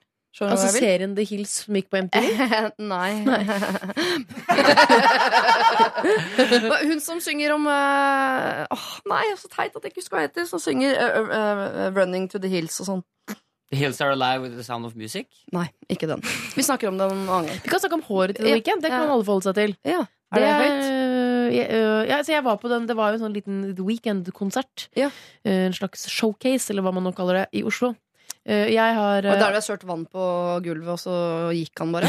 Det var eh, showcasen uka etterpå, heldigvis. Nei, og jeg har aldri syntes at det håret til The Weeknd, som er sånn gjengrodde dreads har vært så veldig Nei. Nei. Men vet du hva? Han var altså så flink at jeg klarte å se forbi dreadsene. Oi! Og det skal mye til. Nei, nei men nei. du hadde, nok gjort det samme på den konserten. Oi, Hadde han dratt til han batikk òg, tror du? eller? Ja, det tror jeg. Oi, Mm. shit. Er det derfor han har det håret? Fordi Hvis han hadde hatt vanlig hår, så hadde det vært for bra? på en måte Man må ha noe som du må kunne se igjennom. Det er vel dette med egenart, da. Jeg Ja. kunne til og med klappet de dreadsene. Skjønner du? Så bra var han. Ja. Men dette er liksom, det er samme grunn til at uh, supermodeller vil helst bare gå i slitte jeans og en Ja. hvit T-skjorte. Det blir så deilig allikevel. De kunne gått i søppelsekker. Ja. Provoserende greier. Ja. De er usikre, de òg. Ja, innerst inne er de usikre. Jeg er så glad du sier det. Alle de skulle egentlig ønske at de hadde en venninne de kunne møte fast hver onsdag og bare spise litt hvetebakst. Nei, ikke hvetebakst, forresten. Og sashimi eller noe. Ok, dere, vi skal til et uh, Om dette er et problem, eh, vet jeg ikke helt. Det er mer et, et spørsmål som vi nå kan eh, vurdere å komme til bunns i. Det er en uh, som kaller seg for Olga21, som bare lurer på om det er sosialt akseptert å drite på do på et utested. Oh. Er det sosialt akseptert å drite på et utested? Jeg kan bare få skissert opp det en gang for alle, hvor, eh, om det er greit eller ikke. Det er jo ikke sosialt akseptert. Hvorfor ikke? altså, jeg bare tenker sånn, for, det, det er jo ikke, for det er ikke noe du går ut og forteller etterpå. Ja, Eh, det gjør man vel ikke ellers heller. Er ikke, Nei, nei, ikke sant? Så, sånn sett tenker jeg sånn all, all driting kan man godt holde for seg selv. På en annen side så tenker jeg sånn hvis jeg skal ha en skikkelig vellykket kveld ute, eh, så syns jeg innmari slitsomt hvis jeg må på do. Ja. Jeg går liksom og holde det inne en hel kveld, da er, da er det litt sånn ødelagt for meg. Ja. Så jeg syns at nei, det, bør man, eh, det bør man få lov til. Så tror jeg det, det skjer så mye på, ut, på sånne doer på utesteder. Eh, ligging, kast, folk kaster opp, og det lukter på en måte sånn og det drikkes Ja, det lukter dritt fra før av. Så sånn sett er det jo et godt sted å kamuflere dritten din, spør du meg, da. Men det, er, det sosialt uh, uakseptable oppstår jo altså, For jeg tenker Den sosiale kontrakten uh, med hensyn til utestedsdoer er jo at det skal være en jevn strøm av mennesker som fort skal kunne bevege seg inn på do og få gjort sitt fornødne, som da er tissing primært. Egentlig ene og alene, spør meg. Hvorfor det? Det er jo en do. Kan Jo, men poenget er at det, altså, det, det skal skje fort. ikke sant? Det er på herretoalettet, og det er pissoar. Noen går der, Og så skal på en måte det, det vanlige toalettet også tjene som en form for pissoar. Det er liksom den sosiale kontrakten, opplever jeg. Så man, Du skal liksom ikke egentlig behøve å lukke eller døra engang. Det skal- skje så jævlig fort. Så hvis du setter, lukker døra, setter deg ned Altså, Jeg vet ikke hvor, hva folk gjør. altså, Ikke dra frem Vi jenter men gjør ikke det. Nå, for nå snakker du om uh, gutt og, altså når gutter gjør sitt fornødne. ja. Vi jenter vi bare får det ut, og så går livet videre. Vi koser oss ikke sånn som dere gjør. For jeg Ja, tror for ikke Olga dere. her tenker at hun skal en tur på Rockefeller, og så tar hun med seg en uh, god bok og en uh, matpakke. Og så sitter hun uh, inne på bås nummer tre og, og klemmer ut en Snickers mens hun leser fine bøker og spiser lunsjpakka si, liksom, og tar opp en god halvtime der. Ja, for det synes jeg, da, da vil jeg si nei. Ja, men Tidsaspektet er det viktigste for meg. At liksom, hvis jeg skulle finne på å sette meg selv i en situasjon, så ville jeg føle at jeg opptok liksom, verdifull logistikktid. Jenter bruker nok ikke mer enn kanskje ett minutt ekstra. På jeg, det. bruker, jeg bruker ikke lang tid, jeg heller, altså, for den saks Jeg har ikke egentlig bedt om personlige anekdoter på akkurat dette, men Jeg Nei, men jenter bruker kortere tid på do. Ja, ja. Det er jo Ja. fakta jeg syns, det er helt innafor. Eh, ingen grunn til at ikke du skal få lov til å presse ut en snickers, som du sier. Eh, det, det svaret er ja, det er 100 sosialt akseptabelt i min bok.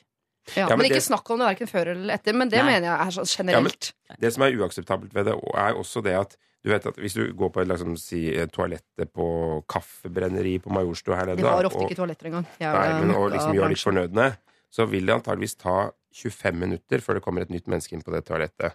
Ja. Altså Nå er vi inne på luktaspektet ganger tid.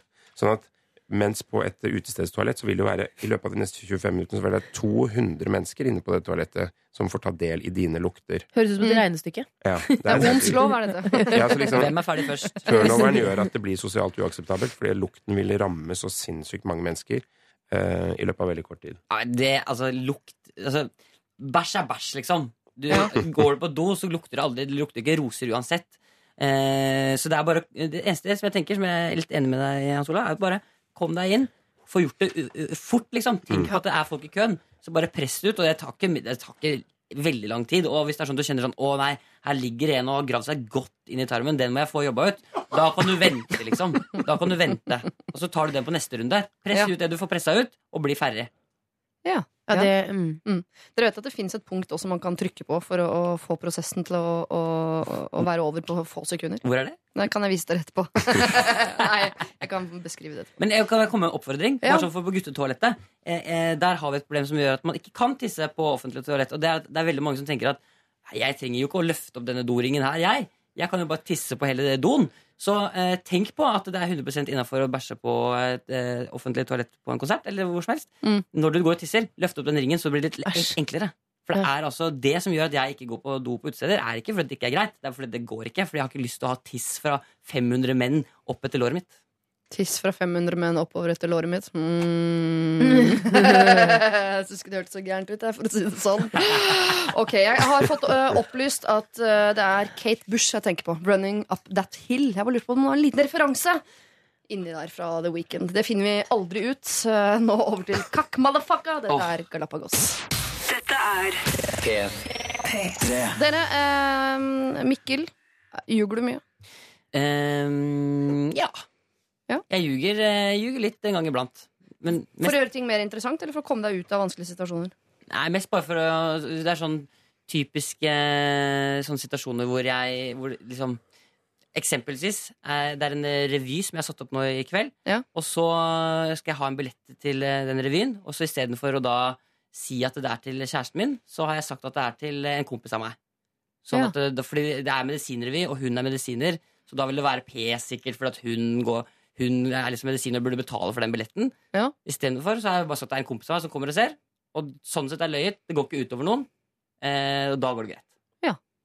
Åssen er du på det, Hans Olav? Ljuger en del? Um, nei.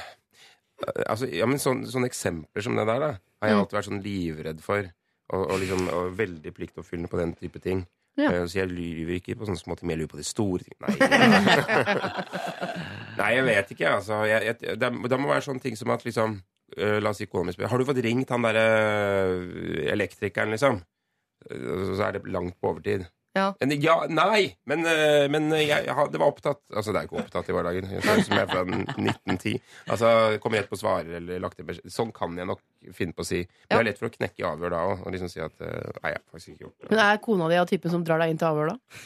Nei, hun er ikke det. Men jeg har nok lett for å si sånn Nei, vet du hva, faktisk, det der Jeg liksom kommer får, får second thoughts, da. Ja. Mm. Og, og Så jeg tror ikke det er så mye sånn Men alle, det er jo sånn småting, sikkert, men sånn småjusteringer. Åssen er det med deg livet? Du kan kose deg med en god løgn. Hva slags menneske er det, er det fremstår som? Jeg, eh, jeg lyver jo litt. Ikke noe mer enn andre. Og ikke for å gjøre meg selv interessant. Det var faktisk en gang eh, da Tore og jeg vi var eh, nyforelsket og i USA. Ja. Så uh, var vi i Miami. Uh, jeg, på morgenen der så uh, tok jeg på meg oppdraget å hente kaffe. Tok på meg litt sånn, Det er varmt, jeg hadde på meg litt sånn fresh singlet, et olaskjørt, litt sånn bustete hår. Eh, kjørte heis med to sånne double lattes mm. på Mm. vei opp til rommet. Så kommer det en fyr inn i heisen som sier sånn eh, Eller jeg sier hei, og så sier han eh, Hello. Eller han ble så utrolig stressa av å se meg. Så, så ra, han oppførte seg utrolig rart. Eh, og så kjører vi liksom kanskje syv-åtte etasjer til, og så sier han sånn Oh my god, I just thought you were one of the Olsen twins. Som er det kuleste noen har sagt til meg Ja, ja, ja, ja, noensinne. ja. At jeg skulle være Mary-Kate eller Ashley Olsen. Og jeg tenker på de danske gutta, Olsen Brothers. Nei, on the wings Ikke ødelegg det fineste nå. Og så kom jeg opp på hotellrommet, forteller dette til Tore. Bare, å herregud, det var kult. Han trodde da at jeg løy, for å gjøre Oi. meg mer interessant. For å gjøre meg mer interessant. Og det Ja. var så fælt, liksom. En Så- syk løgn å komme For med. en, da, da tror du at jeg er gæren i huet mitt. Ja, ja, ja, ja. Eh, Men det fikk jeg da bekrefta, eller sagt om og om igjen, at det er en ting som faktisk skjedde. Så sånn er jeg ikke. Nei. Men det er klart, sånn, har du ringt? Jeg kjenner meg veldig igjen. Hverdagsting. Ting som skulle vært gjort. Ja da, jeg har begynt på det, liksom. Men du er ikke Ja. lystløgner? Det er liksom Nei, det er betryggende. ikke. Nei, nei, nei. nei. Nei. Da er jeg i atter tro. alene i ø, båten, eh, som heter Lystløgn. Jeg har jugd altså, fra jeg kom til verden. Jeg elsker det, men jeg elsker også å avsløre. Og si lenge etterpå sånn Du vet det der jeg fortalte om at jeg lå i kuvøse som barn? Det er ikke sant. Er det sant? Sånn, Var det sant, ja, ja, ja, men jeg skrøt meg at jeg ligger i kuvøse i så mange år at jeg trodde det selv. Og så sa det til mamma. Sa du har aldri ligget i kuvøse. Å, nei, nei, ok. nei, jeg syns bare det gjorde meg mer interessant på et eller annet tidspunkt. Jeg har jo jugd til lokføreren i mange år om at jeg også har hatt en katt som heter Zappa, bare for at vi skulle ha noe felles. Men det var veldig gøy den dagen jeg fortalte han at det ikke er sant. Du er så jævlig gæren. Jeg kunne funnet på Jeg møtte en fyr i heisen som sa at jeg så ut som en av Drew Barrymore? Ja, for eksempel. Eh, men altså, som dere kanskje skjønner, vi skal snakke mer om uh, løgn. Eh, er det greit? Når er det greit? Så er det litt digg, egentlig. Kommer man seg gjennom livet uten, eller er man avhengig av å ha det med seg, osv. Dette er er P3. Vi skal uh, prøve å hjelpe Paul Pinocchio her. Uh, det er et kallenavn. Sorry. Håper jeg. Jeg er en mann i slutten av 20-årene som før alltid har vært eh, ærlig og åpen om tanker og følelser. Når det kommer til mine venner, er jeg veldig åpen når det gjelder fortid, nåtid og framtid. Jeg syns at åpenhet beriker vennskap, og har antatt at de fleste er nettopp det åpne med sine venner. I den senere tid derimot har jeg blitt oppmerksom på at det slettes ikke er slik. Selv mine aller nærmeste venner holder ting som jeg hadde delt med dem, skjult. Det har gjort meg litt skuffa. Jeg føler at jeg har vært i overkant naiv. Eh, Det som gjør det sårt, er at jeg hadde delt den samme informasjonen med dem. Noen konkrete eksempler kan være relevant info om ekser, eh, smarte investeringstips, planer om kjøp av et nytt hjem og nye kvinnelige bekjentskaper. De siste månedene har jeg selv eksperimentert med å holde eh, ting skjult og lyve. Og erfaringen så langt er kjempepositive. Jeg har fått et helt nytt syn på dette og kan nærmest få et lite kick ut av det. Det har vært befriende å ikke snakke med mine venner om mislykka dates, for eksempel. Nylig reiste jeg på en tur med en jente, men til mine venner fortalte jeg at jeg skulle på forretningsreise. Det var deilig å slippe masse spørsmål i etterkant. Jeg føler at jeg i større grad blir frista til å benytte meg av nettopp dette verktøyet, men ser at det på lang sikt vil medføre eh, mer avstand i mine forhold, og det er jo ikke noe jeg ønsker. Er dette en helt naturlig del av livet som jeg har vært sen med å oppdage? Er det forskjell på å holde ting skjult og det å lyve? Jeg tar meg selv i å være mer skeptisk mot mine venner og andre folk, og lurer eh, eh, Jeg lurer eh, Dette er en litt rar setning. Mm. Jeg bare leser det som står her. Gjør det. Jeg lurer rådgiverne tenker, og hvordan dere bruker dette verktøyet i deres liv. Mm. Jeg skjønte hva. Paul Pinocchio mente. Ja, det er veldig bra. ja. Eh, er det forskjell på å holde ting skjult og lyve? Vi kan jo starte der. Hva tenker du, Mikkel? Ja, det syns jeg. Ja. Jeg syns det er forskjell på å unnlate å si ting, og å si ting som ikke er sant. Ja. Eh, altså, hvis, eh, hvis eh, noen eh, spør meg hva jeg gjorde i går, og jeg sier sånn Nei, jeg bare lå og chilla på sofaen, og så eh, drepte jeg egentlig en fyr. Ja. Så eh, vil ikke det være å lyve. Du vil bare si at det var det jeg gjorde, og så drepte jeg en fyr i tillegg. Liksom. Men hvis jeg sier i, i går så eh, lå jeg og snakka på sofaen, og så dro jeg på Tusenfryd, og så har jeg ikke vært der, så er det å lyve. Og det er stor forskjell. Var Ja, det, også- et, var det et greit svar? Ja, men også legg til hvis han spør Men drepte du en fyr i tillegg, og du sier nei. Det er altså ljuging. Så hvis man svarer feil på, på et direkte spørsmål, det er ljuging. Ja. Eh, men å bare unnlate å fortelle ting, er jeg helt enig i at ikke er å ljuge. Er du uenig i det, Hans Olav? Altså, det er litt forskjell på ja, å ljuge og, og ikke ljuge, på en måte. Altså holde, altså det er veldig, folk har jo sine grunner til å holde informasjon tilbake. Man Ja. vet jo ikke hvorfor. Hvorfor syns noen det er vanskelig å si ting som det er kjempelett for deg selv å, å fortelle? Altså, eh, Mislykkede dates kan være liksom nesten underholdende eh, å fortelle om for noen. Og for andre så er det dypt sårt og, og vanskelig. Og så det er liksom vanskelig å lage noen sånn helt generell norm på det. Men å eh, komme med sånn aktive løgner om hva man gjør og ikke gjør, det er liksom i en helt annen Mm. verden. Og da faller du jo kanskje for eget grep øh, før eller siden, eller så blir du så avansert i dine løgner at du på en måte ikke er blitt et menneske du har lyst til å være. Nei. Men når han snakker om at han uh, syns det er positivt og har fått nytt syn og kan få et kick og sånn, så tror jeg kanskje at det han får et kick uh, på, og som er nytt i livet hans, er nettopp at han ikke uh, må dele all informasjon med venner til enhver Mm. tid. Han må ikke stå til rette for alt han har vært igjennom osv. Uh, altså som representant for de som forteller alt fra livet sitt til alle til enhver tid, så er det jo veldig deilig de få gangene man klarer å holde noen ting for seg selv. Så jeg, bare, jeg tror og håper at det er det Kikk han snakker om, når han klarer å ikke hele tiden involvere alle i alt han driver med. Ja, fordi ehm, jeg syns på en måte det er greit ja, at han sier han har vært på en forretningsreise for eksempel, i stedet for å ha vært på den daten eller den turen. eller sånne ting da. Mm. Fordi da er formålet at han helst vil bare slippe å prate om noe som er litt sånn personlig. Og da tenker jeg at det er greit, fordi det har ikke noe med de andre å gjøre. Og det er ikke for å fremme seg selv, det er for å slippe å måtte eh, snakke om noe som du kanskje har lyst til å bare holde for deg selv. Med mindre dette er en straff, da, og en sånn Ok, jeg gir opp, det er tydeligvis sånn verden er, så får jeg bare bli med, og jeg er også på lasset. Da syns jeg ikke han skal gjøre det. Han skal snu og gå tilbake til gamle Pål. Ja, det kan jeg være enig i. Jo, men det er jo litt sånn, hvis man, hvis han føler at han har stivnet litt i en rolle, det kan man tenke seg. At han blir den fyren som alltid liksom kommer med en sånn god historie om ting som har gått gærent, som gjør at de andre kan føle seg litt bedre. Så er jo det en ganske kjip rolle. Så liksom behovet for å, å fremstille seg selv som en slags sånn suksess, eller 'jeg har det ikke så verst', og sånn, det kan jeg forstå veldig godt. Og da å dekke over litt av de der miserene med uskyldige sånn 'nei, det var noe jobb, jeg, det var noe jobbgreier', liksom, eller et eller annet sånn. som, som du egentlig sier. Så det, det syns jeg er, eh, det er tilforlatelig. Men, men, sånn, høres litt snurt ut, jeg. Ja. Eh, altså fra, fra der han kommer fra. For han, han har vært eh, helt ærlig hele veien. Eh, delt uh, investeringstips, som jeg tenker og det har ikke de andre gjort.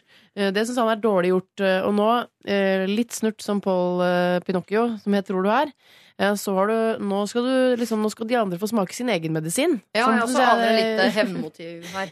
Virke litt. Det finnes jo en mellomting. Sånn, hva funker best for deg, da? Eh, Hva trives du Hva trives du med? Eh, Jeg tror ikke du kommer til å trives med å bli holde masse skjult og, og, og lyve en hel del. Det, det strider imot din personlighet. Mm. Høres det ut som. Um, men eh, å ja ikke for eksempel si at man Eller å si at man drar på jobbreise, men egentlig er på en uh, pøketur. Mm. Så det er helt greit. ja, ja, Det er far... det er ikke Jeg, jeg syns ikke det er en løgn. Det er jo ikke en løgn, eller ja. Men det er litt urovekkende at han begynner å omtale løgn hvis jeg forstår riktig, som et verktøy. Ja. Som det er helt legitimt å bruke. Hvorfor har dette stått liksom ubrukt i alle disse årene? Det er jo liksom noe av det flotteste vi mennesker kan utøve. Ja. Det, det er liksom en litt feil galei. Så den derre smaken av løgnen Man må ikke la det balle på seg. Man må beholde det i det liksom uskyldige uh, leie, da. Jeg også synes jeg aner at i, oppi alt dette her, og jeg også synes jeg lukter noen hevnmotiver og noe snurt og noe greier, så, så tenker jeg at Paul kanskje tenker litt for mye. Jeg tror ikke at det er det at han, han er skuffet over at venner uh, har ting i livet sitt som ikke de har delt med han. Men i det ligger det en skuffelse over at han gir mer enn vennene gir. At han kanskje føler seg nærere de enn han plutselig nå har fått i ansiktet. At de føler øh, at, at de er i forhold til han. Og Så begynner han å plassere ting i det sosiale spillet. Og så begynner han Ja. å bli en spiller inni Ja. der. Og så da tenker jeg sånn Da er vi litt ute å kjøre, men det kan nok hende at mye av dette her bunner i en eller annen sårhet på Oi, altså Dere har masse greier i livet deres som dere ikke har fortalt til meg. Hvorfor forteller dere ikke dette til meg? Er det ikke viktig nok? Er ikke jeg viktig nok for dere? Og så har det balla på seg og blitt en sånn eh, noe stort og vanskelig på Pinocchio sitt liv. Og veien ut av det er jo ikke at du også begynner å ljuge. For det er det jo som han sier, det er jo eh, Avstanden mellom deg og vennene dine blir jo enda større. Mm. Og kanskje du burde finne deg en annen fyr eller en annen dame som er litt mer sånn som deg. da Som vil dele alt og oppleve alt sammen. Og Ja, fordi, jeg tror På noen punkter så tror jeg det er veldig bra å være, å være litt åpen om ting. F.eks. Hvis man har det ganske kjipt, eh, og det er en liksom tung periode eh, i- til tider, da, så burde man for eksempel, da burde man ikke lyve om det. Da burde man finne noen som man kan dele sånne ting med. For det å holde sånne ting inni seg, det tror jeg bare på sikt i hvert fall kan bli veldig tungt og slitsomt. Eh, og det er mange, jeg kjenner mange jeg, som har en tendens til å lyve om det og holde det inni seg. Eh, så sånn sett er det bra at han har den egenskapen at han liker å fortelle ting. Men det høres ut som han forteller alt. Ja, og det er Som kan være litt sånn Som hans venn Så vil jeg kanskje kjeda meg litt, for det Ja. høres ut som det er sånn Her så løp jeg til bussen, og så rakk jeg det akkurat Eller Ja, Og så er det faktisk punktum der. Det, det, man, må bare, man må fortelle den detaljen også. Ja. Eh, ting som jeg aldri ville fortalt videre, for det er ikke en historie, det er ikke noe gøy. Men han vil, vil være så ærlig at jeg vil også vite at, eh, jeg vil at du skal vite at jeg så vidt rakk bussen i dag. Mm. Ja. Og jeg kjenner meg nok litt igjen i det han eh, sier i forhold til det med å eh, har lyst til å Eller dele ting hele tiden. Og jeg har noen ganger tenkt sånn eh, Jeg tar meg selv og tenker sånn Vet du hva? Nå skal jeg ikke si det jeg har tenkt å si. Nå skal jeg bare beholde det inni hodet mitt. Det kan være en mening eller en ting jeg har vet, eller noe jeg har opplevd. Og det får meg til å føle meg litt mer sånn at jeg har litt flere hemmeligheter. Og det er litt deilig, det òg. Får du nærmest et kick ut av det? Jeg får nærmest et kick av å bruke verktøy i løgn. Ja. Ja, men, men- ja, men, ja. noen, ja, nei, men med noen mennesker så er det sånn at du veldig enkelt kan fortelle om dine egne nederlag, og så blir det liksom gjengjeldt med en eller annen nederlagshistorie, så blir det en litt sånn gøyal greie hvor det er helt ufarlig å dele. Mens i atter andre miljøer så er det sånn hvis du sier et eller annet sånn mislykket ting om deg selv, så, så blir det uff da, ja, det hørtes ille ut. Uh, glad jeg ikke har det sånn, liksom, ligger i underteksten. Mm.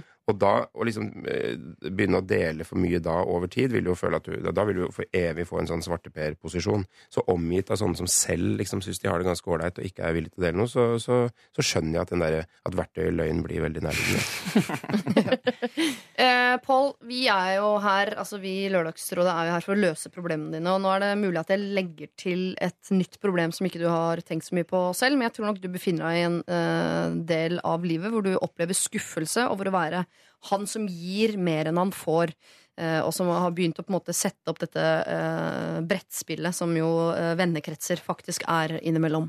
Det er kjempevanskelig, i hvert fall hvis man er en tenker og er ekstremt bevisst på de forskjellige rollene og konsultasjonen mellom de osv. I så fall så går du inn i en litt slitsom tid nå. Da kan jeg gi et tips, og det er Vær mer opptatt av hvordan, hva vennene dine betyr for deg, enn hva du betyr for de. Det er på en måte det viktigste. Og ikke begynn å ljuge, selv om det er lov å ljuge. Men det er noen menn her, det er lov å ljuge, eh, men ikke hvis det er eh, av hevn. eh, Ikke hvis det er for å eh, fremelske deg selv, eller det er for å skåne deg selv. Hvis løgnen er der bare for å gjøre livet litt artigere for deg eller andre, eller er der for å skåne andre, eh, så tenker jeg at løgn er et helt greit verktøy å bruke. Hvis du eh, har et eh, problem, så send det inn til oss eh, i Lørdagsrådet. lralfakrøll.nrk.no. P3 Dette er Lørdagsrådet på P3. P3. Julie Bergan, All Hours, eh, hørte vi. Og nå skal vi dele ut en eh, kopp. Nå hørtes det ut som det er det hele Lørdagsrådet dreier seg om. Nå, dere, har vi kommet til den store finalen! Sinsen av programmet. Ja. Alt fram til nå har bare vært tøv. Det er nå det gjelder. Nei, men vi skal dele ut en uh, kopp til den som har uh, beveget dere på en eller annen måte mest i dag. Følelsesmessig eller intellektuelt, eller hva det nå måtte være. Vi starta tidlig i dag morges uh, med å hjelpe Elin, som er på andre siden av kloden. Kjæresten er her hjemme. Og hun har delt bitte lite grann tungespiss med en brite. Jeg er usikker på om hun skulle dele det, da. Altså informasjonen med sin kjæreste. Så har vi eh, Ulrik, som er aktiv i eh, lokalpolitikken og har forelsket seg en i samme parti, eh, men tør ikke å agere på det før han vet om hun har de samme følelsene tilbake. Klassisk. Så har vi Tonje, da, som dessverre annenhver dag må spise spagetti med kjøttdeig fordi hun bor sammen med en jente som ikke kan lage mat. Og angrer litt på dette opplegget de har blitt enige om, om å lage mat annenhver dag, da hun selv lager kulinariske retter. Er mor utro, lurer eh, Karen på. Det vet vi ikke, og vi er også litt uenige om du skal gå de sømmene for å finne ut av det. Malin eh, står overfor et barselsbesøksmareritt. Eh, Frøken Kulemage har dessverre en frøken Onsdagskos i sin bekjentskapskrets, som har planer om å invadere hennes liv hver onsdag det kommende året. Eh, vi har jo Olga, da, som lurer på om det er sosialt akseptert å drite på et utested. Jeg syns det er rart om hun får koppen i dag. Jeg bare legger inn det som en føring. Eh, og til sist her Paul Pinocchio, eh, som eh, kanskje noe sent i livet har erfart gleden ved å lyve.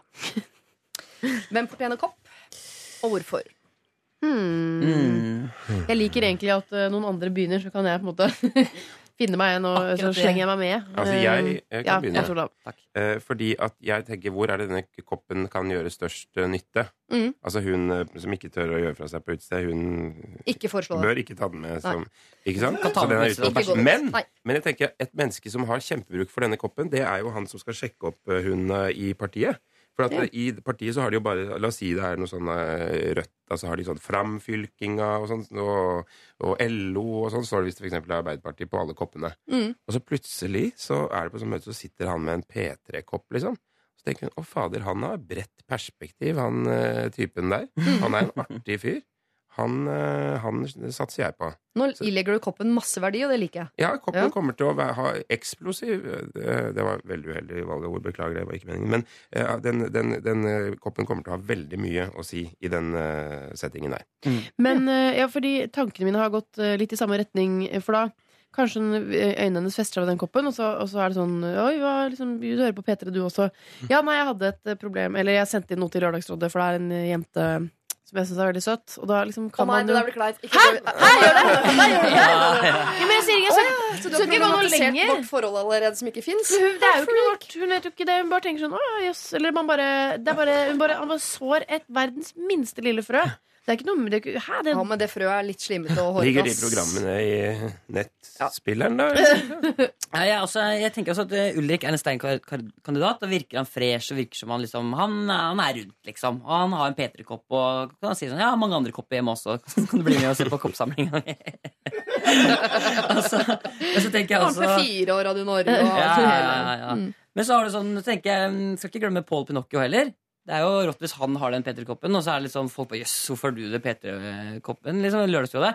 Nei, det er bare noen greier som jeg drev holdt på med. Litt sånn mystisk. Han bare svarer litt sånn. Nei, jeg bare Den kan markere et veiskille i livet hans. Fordi når folk spør, så kan han velge om han skal ljuge om det eller ikke. Og Ja. der har han valgt stien videre i livet. Mm, Ja, men så syns jeg Men også dette- litt synd på karen. Ja. Ja. Hvis eh, foreldre muligens har noe Det er noe knuter på tråden der, mo mora har kanskje en ny.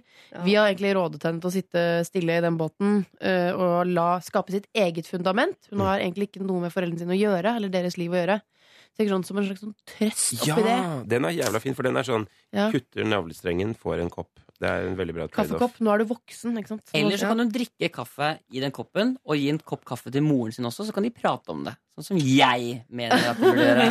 Dere blir ikke ferdig med de greiene der. Jeg tror dere må, dere må drikke en kopp kaffe. Ja, og finne ut får, vi, får vi også kopper? Ja, nå har dere jo nevnt alle, da, Ja. folkens. Det er utrolig Nei, ikke tungespissen. Hun Nei, fortjener ikke kopp. Hun har nussa en engelskmann. Skulle ikke gjort det, men nei, vi syns det var, det var greit. helt feil å ha med seg en Ikke kopp. spagettidama heller. Mm. Nei. Det er ikke helt feil å ha med seg en P3-kopp på konsert. Så kan du bare bæsje den koppen isteden for å gå på toalettet også. Ja. Slapp ja, ja. av, slapp av. Jeg holder applausen oppe aleine. Vi har tangert den vitsen flere nå, føler jeg. Ja. Hva? Vi har rundet om. Hvem lander vi på? Eh, Jeg eh, står for eh, partikoppen, jeg. Gjør det. Partikoppen. Det står litt mellom partikoppen og Karen. Altså, hvor mor potensielt er utro. Mm.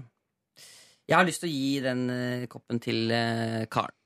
Mest også bare Å fordi nei, nå blir, det, nå blir jeg hun som skal øh, Åh! Kommer du videre i Idol, liksom? Karen eller ung politisk kjærlighet.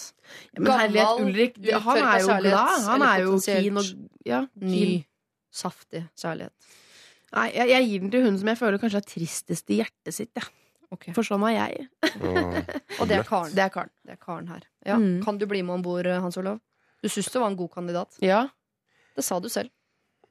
Uh, ja Nei, sa jeg det? ja, du, Jo, jo, det er en veldig sa veldig det. god kandidat, sa du Ja. hvis du uh, dro fingrene dine gjennom de Ja, for da trodde jeg at menn Ah, eh, Vi kommer jo til å falle ned på min. Eller brukte du verktøyet løgn? Når du sa det? Nei, selvfølgelig er jeg selvfølgelig Du er med? Ja, selvfølgelig. ja, selvfølgelig. Trenger Karen denne koppen Ja. for å komme seg videre. Karen, gratulerer. Du har fått en uh, Lørdagsrådet-kopp. Den kommer din vei straks du sender oss eh, din eh, adresse. Eh, tusen takk, Live, Mikkel og Hans Olav, for at dere kunne være her eh, i dag. Det var eh, kjempegøy for at du er med. Så Kjempehyggelig. bra. Ja, dødskoselig. Hver gang er det dødskoselig. Ha en fortreffelig lørdag videre. I like måte. P3. Dette er P3.